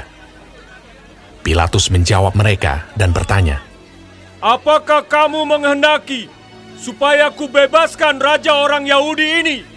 Ia memang mengetahui bahwa imam-imam kepala telah menyerahkan Yesus karena dengki. Tetapi imam-imam kepala menghasut orang banyak untuk meminta supaya Barabaslah yang dibebaskannya bagi mereka. Pilatus sekali lagi menjawab dan bertanya kepada mereka, Jika begitu, apakah yang harus kuperbuat dengan orang yang kamu sebut raja orang Yahudi ini? Maka mereka berteriak lagi, katanya. Salibkanlah dia! Lalu Pilatus berkata kepada mereka, Tetapi kejahatan apakah yang telah dilakukannya? namun mereka makin keras berteriak. Salibkanlah dia! Dan oleh karena Pilatus ingin memuaskan hati orang banyak itu, ia membebaskan Barabas bagi mereka. Tetapi Yesus disesahnya, lalu diserahkannya untuk disalibkan. Kemudian serdadu-serdadu membawa Yesus ke dalam istana, yaitu gedung pengadilan, dan memanggil seluruh pasukan berkumpul. Mereka mengenakan jubah ungu kepadanya, menganyam sebuah mahkota duri, dan menaruhnya di atas kepalanya. Kemudian mereka mulai memberi hormat kepadanya. Katanya, Salam, hai Raja orang Yahudi. mereka memukul kepalanya dengan buluh dan meludahinya dan berlutut menyembahnya. Sesudah mengolok-olokkan dia, mereka menanggalkan jubah ungu itu daripadanya dan mengenakan pula pakaiannya kepadanya. Kemudian Yesus dibawa keluar untuk disalibkan. Pada waktu itu, lewat seorang yang bernama Simon orang Kirene, ayah Alexander dan Rufus yang baru datang dari luar kota. Dan orang itu mereka paksa untuk memikul salib Yesus. Mereka membawa Yesus ke tempat yang bernama Golgota, yang berarti tempat tengkorak. Lalu mereka memberi anggur bercampur mur kepadanya, tetapi ia menolaknya. Kemudian mereka menyalibkan dia. Lalu mereka membagi pakaiannya dengan membuang undi atasnya untuk menentukan bagian masing-masing. Hari jam 9 ketika ia disalibkan. Dan alasan mengapa ia dihukum disebut pada tulisan yang terpasang di situ. Raja orang Yahudi. Bersama dengan dia disalibkan dua orang penyamun, seorang di sebelah kanannya dan seorang di sebelah kirinya. Demikian genaplah nas Alkitab yang berbunyi, ia akan terhitung di antara orang-orang durhaka.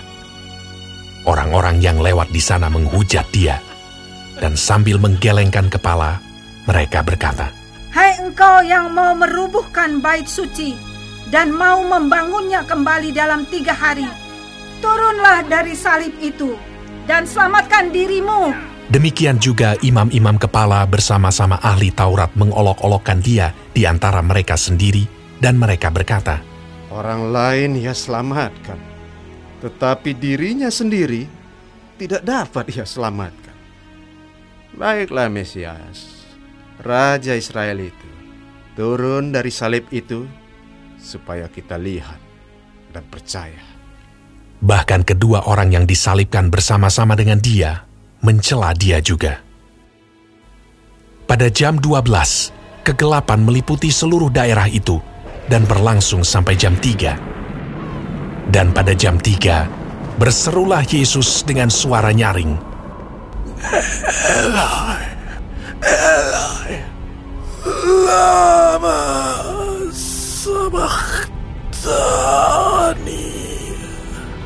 Yang berarti, Allahku, Allahku,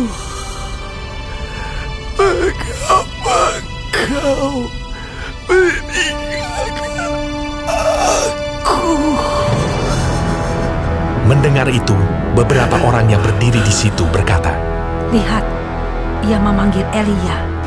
Maka datanglah seorang dengan bunga karang, mencelupkannya ke dalam anggur asam, lalu mencucukkannya pada sebatang buluh dan memberi Yesus minum, serta berkata, Baiklah kita tunggu dan melihat apakah Elia datang untuk menurunkan dia.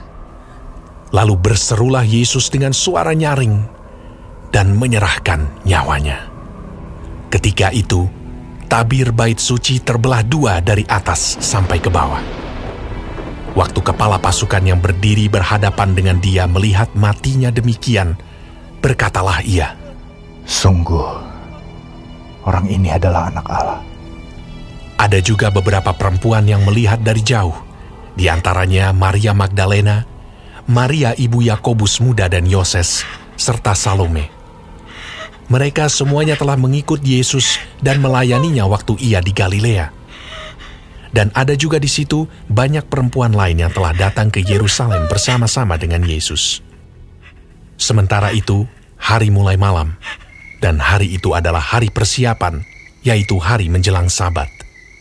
Karena itu, Yusuf, orang Arimatea, seorang anggota majelis besar yang terkemuka, yang juga menanti-nantikan kerajaan Allah, memberanikan diri menghadap Pilatus dan meminta mayat Yesus. Pilatus heran waktu mendengar bahwa Yesus sudah mati. Maka ia memanggil kepala pasukan dan bertanya kepadanya apakah Yesus sudah mati. Sesudah didengarnya keterangan kepala pasukan, ia berkenan memberikan mayat itu kepada Yusuf. Yusuf pun membeli kain lenan, kemudian ia menurunkan mayat Yesus dari salib dan mengapaninya dengan kain lenan itu. Lalu ia membaringkan dia di dalam kubur yang digali di dalam bukit batu. Kemudian digulingkannya sebuah batu ke pintu kubur itu. Maria Magdalena dan Maria ibu Yoses melihat di mana Yesus dibaringkan.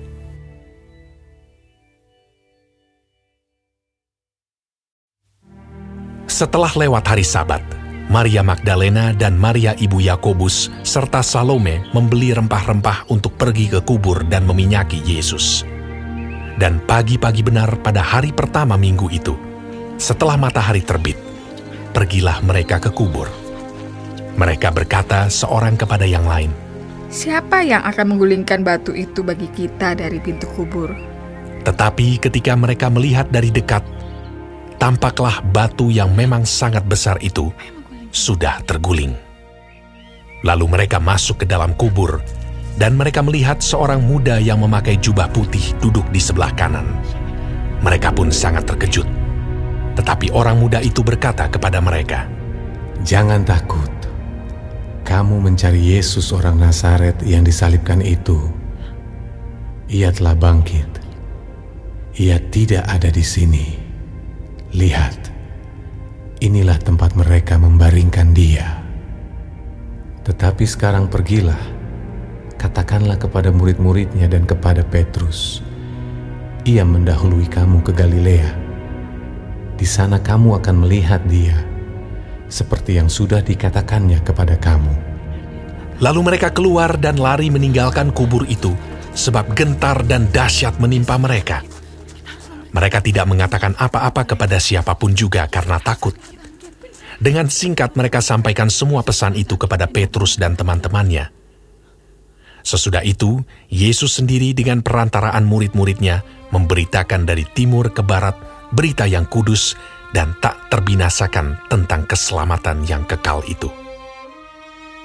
Setelah Yesus bangkit pagi-pagi pada hari pertama minggu itu, ia mula-mula menampakkan dirinya kepada Maria Magdalena. Daripadanya, Yesus pernah mengusir tujuh setan. Lalu perempuan itu pergi memberitahukannya kepada mereka yang selalu mengiringi Yesus dan yang pada waktu itu sedang berkabung dan menangis. Tetapi ketika mereka mendengar bahwa Yesus hidup dan telah dilihat olehnya, mereka tidak percaya. Sesudah itu, ia menampakkan diri dalam rupa yang lain kepada dua orang dari mereka ketika keduanya dalam perjalanan keluar kota. Lalu kembalilah mereka dan memberitahukannya kepada teman-teman yang lain. Tetapi kepada mereka pun, teman-teman itu tidak percaya. Akhirnya ia menampakkan diri kepada kesebelas orang itu ketika mereka sedang makan, dan ia mencela ketidakpercayaan dan kedegilan hati mereka, oleh karena mereka tidak percaya kepada orang-orang yang telah melihat dia sesudah kebangkitannya. Lalu ia berkata kepada mereka, Pergilah ke seluruh dunia, beritakanlah Injil kepada segala makhluk.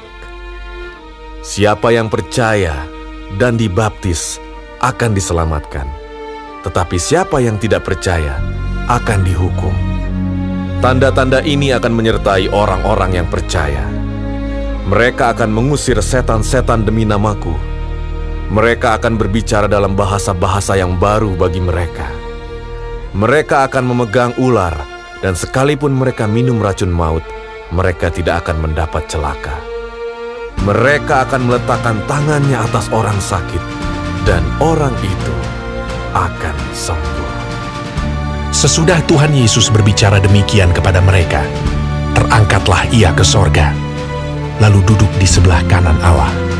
Mereka pun pergilah memberitakan Injil ke segala penjuru, dan Tuhan turut bekerja dan meneguhkan firman itu dengan tanda-tanda yang menyertainya.